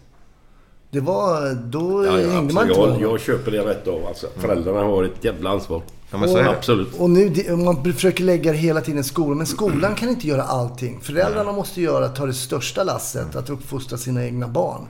Det är viktigt alltså. Och jag kan, där kan man väl se att, jag menar ibland när man jobbade inne, när jag jobbade, det är några år sedan nu såklart, men man stod inne vid Sergels torg. Nej men det är 12-13-åringar som är inne liksom på helgen, som bor ute i förorterna. De ska inte vara där. De ska inte vara där inne. Vad, vad är föräldrarna liksom? Så det i grund och botten så är det mycket, tycker jag, ett föräldraansvar att... Jag hade inte kunnat bli kriminell när jag var 12 år kan jag säga, för det hade inte... Nej, nej. vet. Faktiskt inte möjligt. Nej. Sen, så, sen om man tittar, och det sa jag, jag sa det till mina studenter när jag var lärare på polisskolan, att glöm inte, man ska vara ödmjuk också, att det är ofta tillfälligheter som gör vem som sitter på ena eller andra sidan skrivbordet. För jag hade gäng som, när man blev lite äldre, som jag hade kanske kunnat hänga med som var fel. Men då gillade jag att lira basket och sporta, så då hängde jag med det. Och vi hade en liten annan taktik. Vi var mer skötsamma och vi tränade och spelade matcher och sådana grejer. Sen gick det ju ut för, för många i det andra gänget. Så att ibland så hänger man med fel gäng. Och det kan påverka. Men jag tror ju att uppfostran i grunden gjorde att jag valde rätt. Att det hade också med vad man hade fått för värderingar och sånt hemifrån. Men hur ska man kunna bryta detta mönster som tyvärr har eskalerat nu då sen vi kan säga 01 när skjutningarna i Göteborg började då. Eh, Finland var det ju MC-gängen som höll på. Mm. Eh, med pansarskott och grejer visserligen men eh, hur ska vi kunna bryta det? Alltså det... Var du med i den svängen där? I 2001 eller var det? Eh, När var det? nej, då Ja, det var i Göteborg var det. Ja, ja, ja. Nej, men då var jag på Säpo, men då... Nej, jag var inte mer inblandad i Nej, det. nej, Nej. Nej, men alltså det är så stort. Och det måste ju vara alla instanser. Polisen kan ju absolut inte bryta det här. Utan det ska ju vara alla... Allt från föräldrar, skola, socialtjänst och så vidare och så vidare som måste... Som en, men jag tycker det är tråkig utveckling och man kan ju se det här. Man säger, ja men det som händer i USA sa man förut, det kommer sen. Nej, nej, det kommer inte komma. De har så här metalldetektorer på skolor, man är på att skratta ihjäl sig. Men det är, ju- där är vi ju idag. Ja, ja, ja. Vi är ju det tyvärr. Nej, jag, jag har en kompis, jag kan bara berätta där skräckfall. Liksom, han han eh, pryade som lärare. Eller prya, han var inne som vikarie. Och så var det en gubbe som sabbade hela jävla lektionen. Han fick tjata och han brydde sig inte vad de sa. Alla de andra ville väl liksom höra vad, läraren säger. Så Ett ljud till från dig så åker du ut, säger han till den här jävla... Ja. Det var en, en utländsk kille. Och de är 14 tror jag eller någonting sånt där. Men han fortsätter ju. Så han tar ju tag i honom och skickar ut honom. Du går ut i korridoren, du sabbar för alla andra. Några dagar senare så ringer hans föräldrar, den här killen som han slängde ut. Och klagar på skolan att han och deras son har blivit utkastad och bla bla bla bla bla. Och det var ett jävla liv. Så han fick en anmärkning. Alltså allvarligt. Nej, men man ska ju man- ha, den här jäveln ska ha en smäll för fan. Men man, nej men det finns en... Det, och du, nämner att man har tappat respekt för poli, polis, men man tappade respekt för vuxenvärlden. Liksom. Alltså, det är klart, det kanske var lite hårt ibland när man var på de tillställningarna. Då fick man ju aldrig sitta vid vuxnas bord, fick inte vi. Det var ju så här barnbordet, ni sitter där, nu är det vi vuxna som sitter här. Och det kanske var lite trist.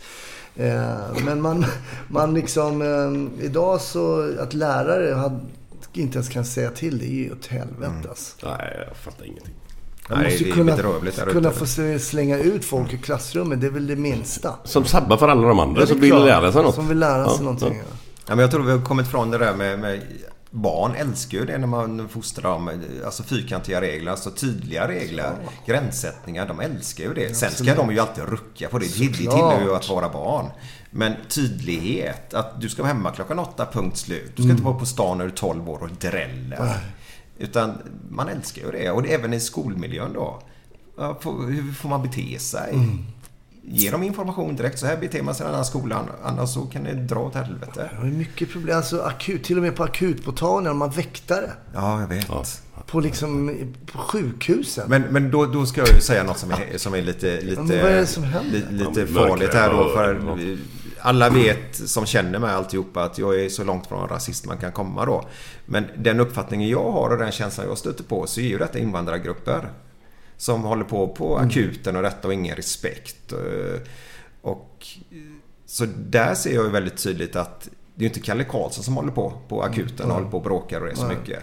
Eh, och, men blir, man, blir jag hatad nu för att jag säger detta? Eller jag tycker så? Det är ju, Nej, men, men vi- det är ju min det är det verklighet. värsta. Du får inte öppna käften med fan de- mot någon. Men det är väl det värsta som en svensk kan bli kallad för. Och det är ju rasist. Och då, jag hade ju också... Det är så kul. Många av mina gäster säger kloka saker. Men jag har en, hade en gäst som heter Mustafa Panshiri som eh, är före detta polis. Och han jobbar med ensamkommande. Och så. Han är själv från Afghanistan. Och han berättade att en av de här eh, killarna sa att han hade blivit lärd att om du tjafsar med en svensk av någon anledning. Då skulle du säga att svensken är till honom att han är rasist. Även om, han inte, även om det inte har någonting med... För då kommer han backa. Jaha. Och vi är ju oerhört rädda. Jag märker även i min podd att några drar sig för att berätta vissa historier för att det kanske var folk som då inte var... Nej, men det var någon gruppering som inte var, hade svenskt ursprung. För att de, vi är rädda för att... Vi är lite rädda för, för det här, absolut. Eh, och det märker man väl lite så här ibland med signalement. Eh, Man går ut med, sparar med på en del signalement, vilket jag tycker är konstigt. Polisen kan gå ut med ett signalement och så går inte kvällstidningen ut med det signalementet som polisen har gått ut med. För man är rädd att trampa något på tårna. Men alltså om en brottsling springer förbi här och begått ett brott och vi ser det. Det är klart vi måste återge precis hur personen såg ut. Ja, Sen om han var grön eller blå, det skit jag i. Han ska ju åka fast. Ja. Så att vi är lite känsliga där tycker jag. Ja. För ska Definitivt. vi jobba med problemet så måste vi berätta sanningen. Såklart. Ja. Och, och det är det här hymlandet med allting. Det är därför till exempel SD växer. För att man försöker låtsas som att det regnar. och Att, men, men, men och det, det, det, det är nog ett problem tror jag. Att Mm. man är lite rädd för att bli kallad för både det ena och det andra. Vi är väldigt känsliga där tror jag. Mm. Men där vet jag Moderaterna pratar om någonting nu. De hoppar ju av den där... eh, Ja, de diskuterar ju Alltså gängval. gängkriminaliteten. Ja, när de åkte ner och festade. De Ja. liberaler, moderater och kristdemokrater var det va? Ner- Bindefeld. Ja, exakt. Ja, var det den i Tel Aviv? Ja. det viktigaste som fanns i hela världen var gängvåldet. Men helt plötsligt så hade han fest och åkte vi dit istället. Men den, de kan ju jobba ju därifrån. Så det är det. Men sen hoppar de ju av detta då. Men då sa ju Moderaterna någonting som de ville ha in. Det var så här zoner. De ska bara kunna visitera alla på speciella Ja, just platser. Just det. I Danmark har de något sånt där. Ja, men det blir lite felaktigt också. För jag menar, om 2% missköter sig i det området Mm. då. Så ska inte de andra 98 bli lidande för det. Nej, det är sant. Då kanske man sätter in mer resurser. Det blir väldigt Mm. konstigt. Man kan ju inte... Nej, de, de lär sig också. De kommer inte vistas i de zonerna då. Det blir inte svårare än så. Nej, jag vet inte. Det är svårt. Men jag tror att det är mycket... Alltså, politikerna skickar ut signaler om att vi vet, vi vill göra det här och vi... Eh, jag är inte mycket för de här politikerna, så jag vet inte. Men, men är det inte mycket så här att så fort det är någonting som är jobbigt eller någonting som alla tycker att det måste vi göra någonting åt. Då ska det utsättas en utredning Ja, som ja, tar sju absolut. år ungefär innan Och det den utredningen ska utredas också. Ja, så tar det sju år innan det händer något. Ja. Alltså, vi har tillsatt en utredning här nu som ska göra detta. Jaha, händer det är ingenting. långa tider mellan idé och beslutsfattande. Det är det. Och det, det är ju lite frustrerande för folk. Men nu som när man berättar om de här skjutningarna, folk drabbas, oskyldiga drabbas. Någon i Malmö, någon kvinna som blir skjuten på öppen gata med sin Mm. bebis i famnen. Det är klart att folk blir oroliga. Sen kommer folk och säger, men statistik, men vi, Statistiken visst, men det är folks känsla. Folk går runt och är oroliga. Mm. Och sen så viftar en del med Excel-ark och säger att det, men vad då? Folk som är flygrädda vet att plan inte störtar varje dag. Men de är flygrädda i alla fall. Ja, exakt. Du får inte komma och vifta med statistik. De sitter ändå liksom och skakar och, och sådär. Och att folk inte vågar gå ut på kvällarna och sådär. Och sen om det är, är baserat korrekt på statistiken eller inte. Men det finns någonting nu som är... Det räcker ju, för mig räcker det att en blir skjuten och oskyldig. Så, Mm. så, så skapar det ju rädsla hos mig. Ja, ja, såklart. För den personen hjälper ju inte, om statistiken hjälp, hjälp, ja, den räddar ju inte den människan, statistiken. Utan hon dog ju ändå. Ja. De två skulle vittna här uppe i Stockholm så de sköt ihjäl också då. Eller de knivstack väl hon, kvinnan då, och sköt honom eller vad det var.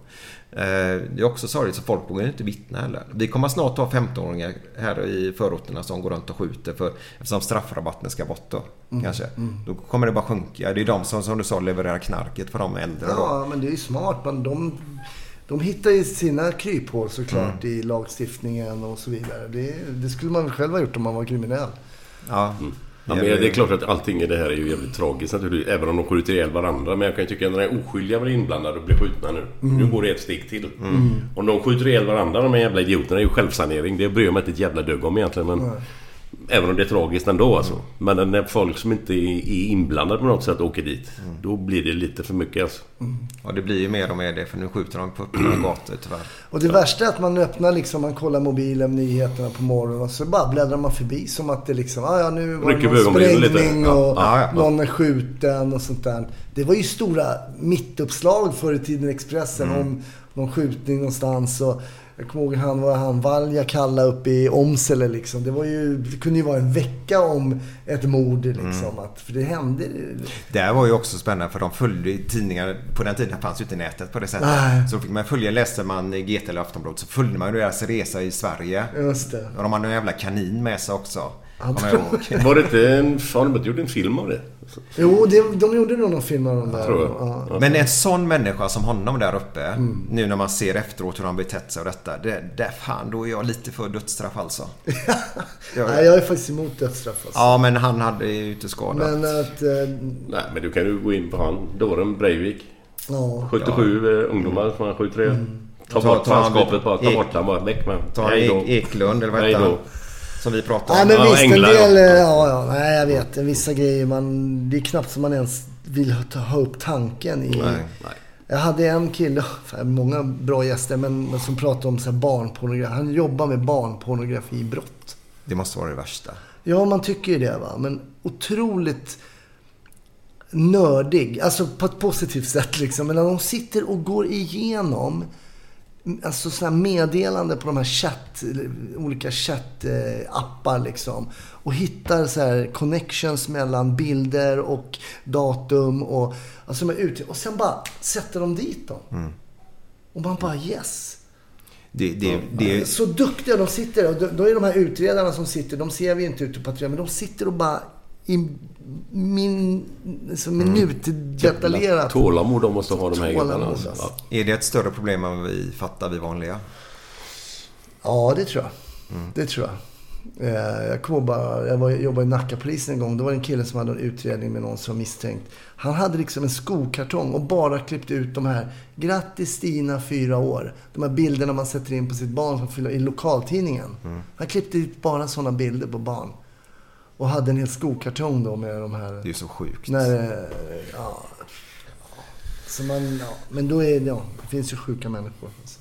Ja, vi börjar ju den här podden med, med sjukdom med din pappa. Då. Ja, precis. Eh, ingen Men- jämförelse överhuvudtaget då, men... Nej, alltså, nej, just- precis. Men du är ju en sjuk människa, men på ett bra sätt. ja, men precis. Men är det, mycket, är det för mycket sjuka människor ute? Som, som alltså brottslighet? Jag skulle vilja ha stati- statistik, vi är inne på då visserligen. Men alltså hur mycket psykiskt sjuka människor är det som begår själva brotten? Alltså, Alltså det man bara spontant, det man, när, man, när jag pratar med poliserna, de är på väldigt mycket psykisk ohälsa, självmord. Eh, det är mycket idag alltså. Det är mycket idag. Men sen, jag har ingen koll på om det har ökat eller minskat. Nej. Eller så. Men man hade ju det förr, vi pratade ju om Långbro och Beckomberga, det här har man ju tagit bort. Eh, och de människorna som var så sjuka förut, de är ju ute nu. I liksom, eh, och det är klart, har man en psykisk sjukdom, en psykos, det kan ju hända. Det kan ju flippa till när som helst. Det kan det göra faktiskt. Så det är obehagligt. Ja. det har vi ju tragiskt, eh, vet vi om, i Göteborg då nere i Onsala var det väl va? Ja. Grannen Yes. trodde ju att han var efterlyst, eller ja, hade span på sig. Han, skitsamma, där gick det ju väldigt, väldigt illa då. Eh, Din pappa, du pratade med han, kände att han är radiosändare i tanden eller någonting Ja, sa du? är ett tillfälle. Ja. Och ja, bara hantera en sån grej med, som man vet att när man är ung och pappa, det stämmer ju inte. Nej. Och jag vet pappa sa till mig någon gång så ja men nu eh, ikväll ska vi ut och festa liksom. Då går vi, åker vi ner på stan och så går vi på Alexandra eller vad det hette på den tiden. Och så jag bara, men jag är ju 14 år liksom. Jag kommer ju inte in. Inga problem. Jag äger alla klubbar i Stockholm. Nej, var det det? Och när man vet då, man är och vet att pappa, det stämmer inte. Pappa mår inte bra liksom. Det är en jobbig situation Ah, att vara i. Alltså, man vet att han äger inte några klubbar alls. Man säger, men jag har ju läxa. Ah, Okej, du kan få hemma ikväll, men sen gå ut och festa liksom. Det är konstigt. Ja. Ja, fy fan. Ja.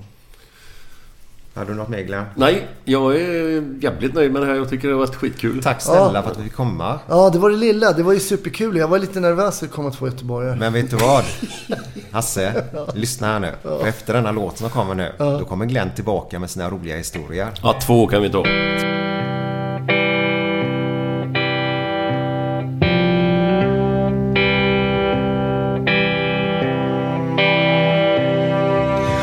Fem på York City går en man i en sliten gammal hatt. Sveper rocken kring den tunna kroppen, huttrar till. Det har varit kallt i natt. Ser en strumpa sticker ut ifrån hans sko vandrar vidare men utan framtidstro. Fem på morgonen i Hallonbergen står en kvinna med gråten i sin hals. Tittar håglöst in i morgonsolen. Hon är trött, hon har inte sovit alls. Två av fem miljarder människor på vårt klot. Men mot deras ångest finns det ingen bot. För de är ledsna för att de inte är från Göteborg.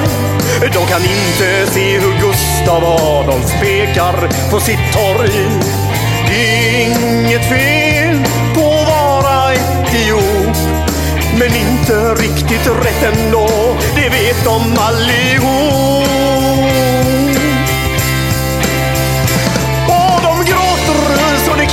tar när de får en mindre syn av hur vi som är från Götet tar en öl på Avenyn.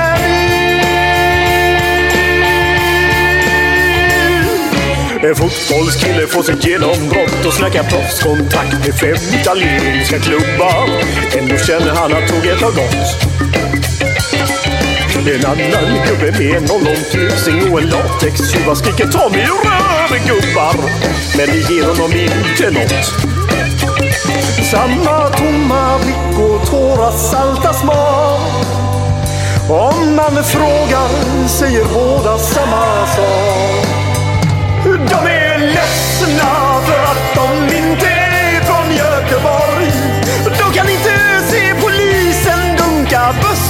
buss torg. Det är inget fel på att vara från Mölndalsbro. Men 14 stopp med fyran svider mer än man kan tro. Och de gråter och slår det krampar när de får en mindre syn. Har vi vi som är från Götet? Har vi vi som är från Götet? Det var så här att det kom in en apa på en bar. Och så sa han jag skulle gärna vilja ha en, en bira. Okej, så lämnade han fram en hundralapp. Så fick eh, bartendern, tänkte liksom fan han vet ju inte någonting om detta. Så han fick fem spänn tillbaka. Och så säger bartendern, vad fan det är inte varje dag man har apor här inne. Nej tacka fan för det sa bartendern, eller så apan. En bira 95 spänn, det är ju fan svindyrt. Det var jättebra. Stod du på scenen? Den här tycker jag är bra. Nu kommer den som inte är helt korrekt. Det stod en arab och skakade sin ryamatta på balkongen. Då tittar grannen ut lite. Vad fan, startar han inte? Ha det gött. Hej då, hej då, hej då.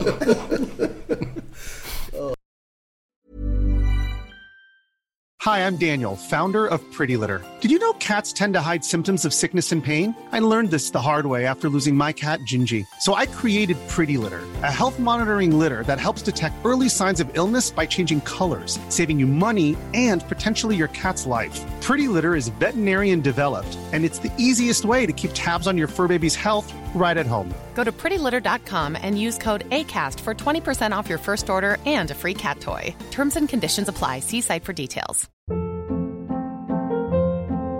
Hold up. What was that? Boring. No flavor. That was as bad as those leftovers you ate all week. Kiki Palmer here, and it's time to say hello to something fresh and guilt-free. Hello Fresh. Jazz up dinner with pecan-crusted chicken or garlic butter shrimp scampi. Now that's music to my mouth. Hello Fresh. Let's get this dinner party started. Discover all the delicious possibilities at hellofresh.com. Planning for your next trip? Elevate your travel style with Quince. Quince has all the jet setting essentials you'll want for your next getaway, like European linen, premium luggage options, buttery soft Italian leather bags, and so much more. And is all priced at 50 to 80% less than similar brands. Plus, Quince only works with factories that use safe and ethical manufacturing practices. Pack your bags with high-quality essentials you'll be wearing for vacations to come with Quince. Go to quince.com slash pack for free shipping and 365-day returns.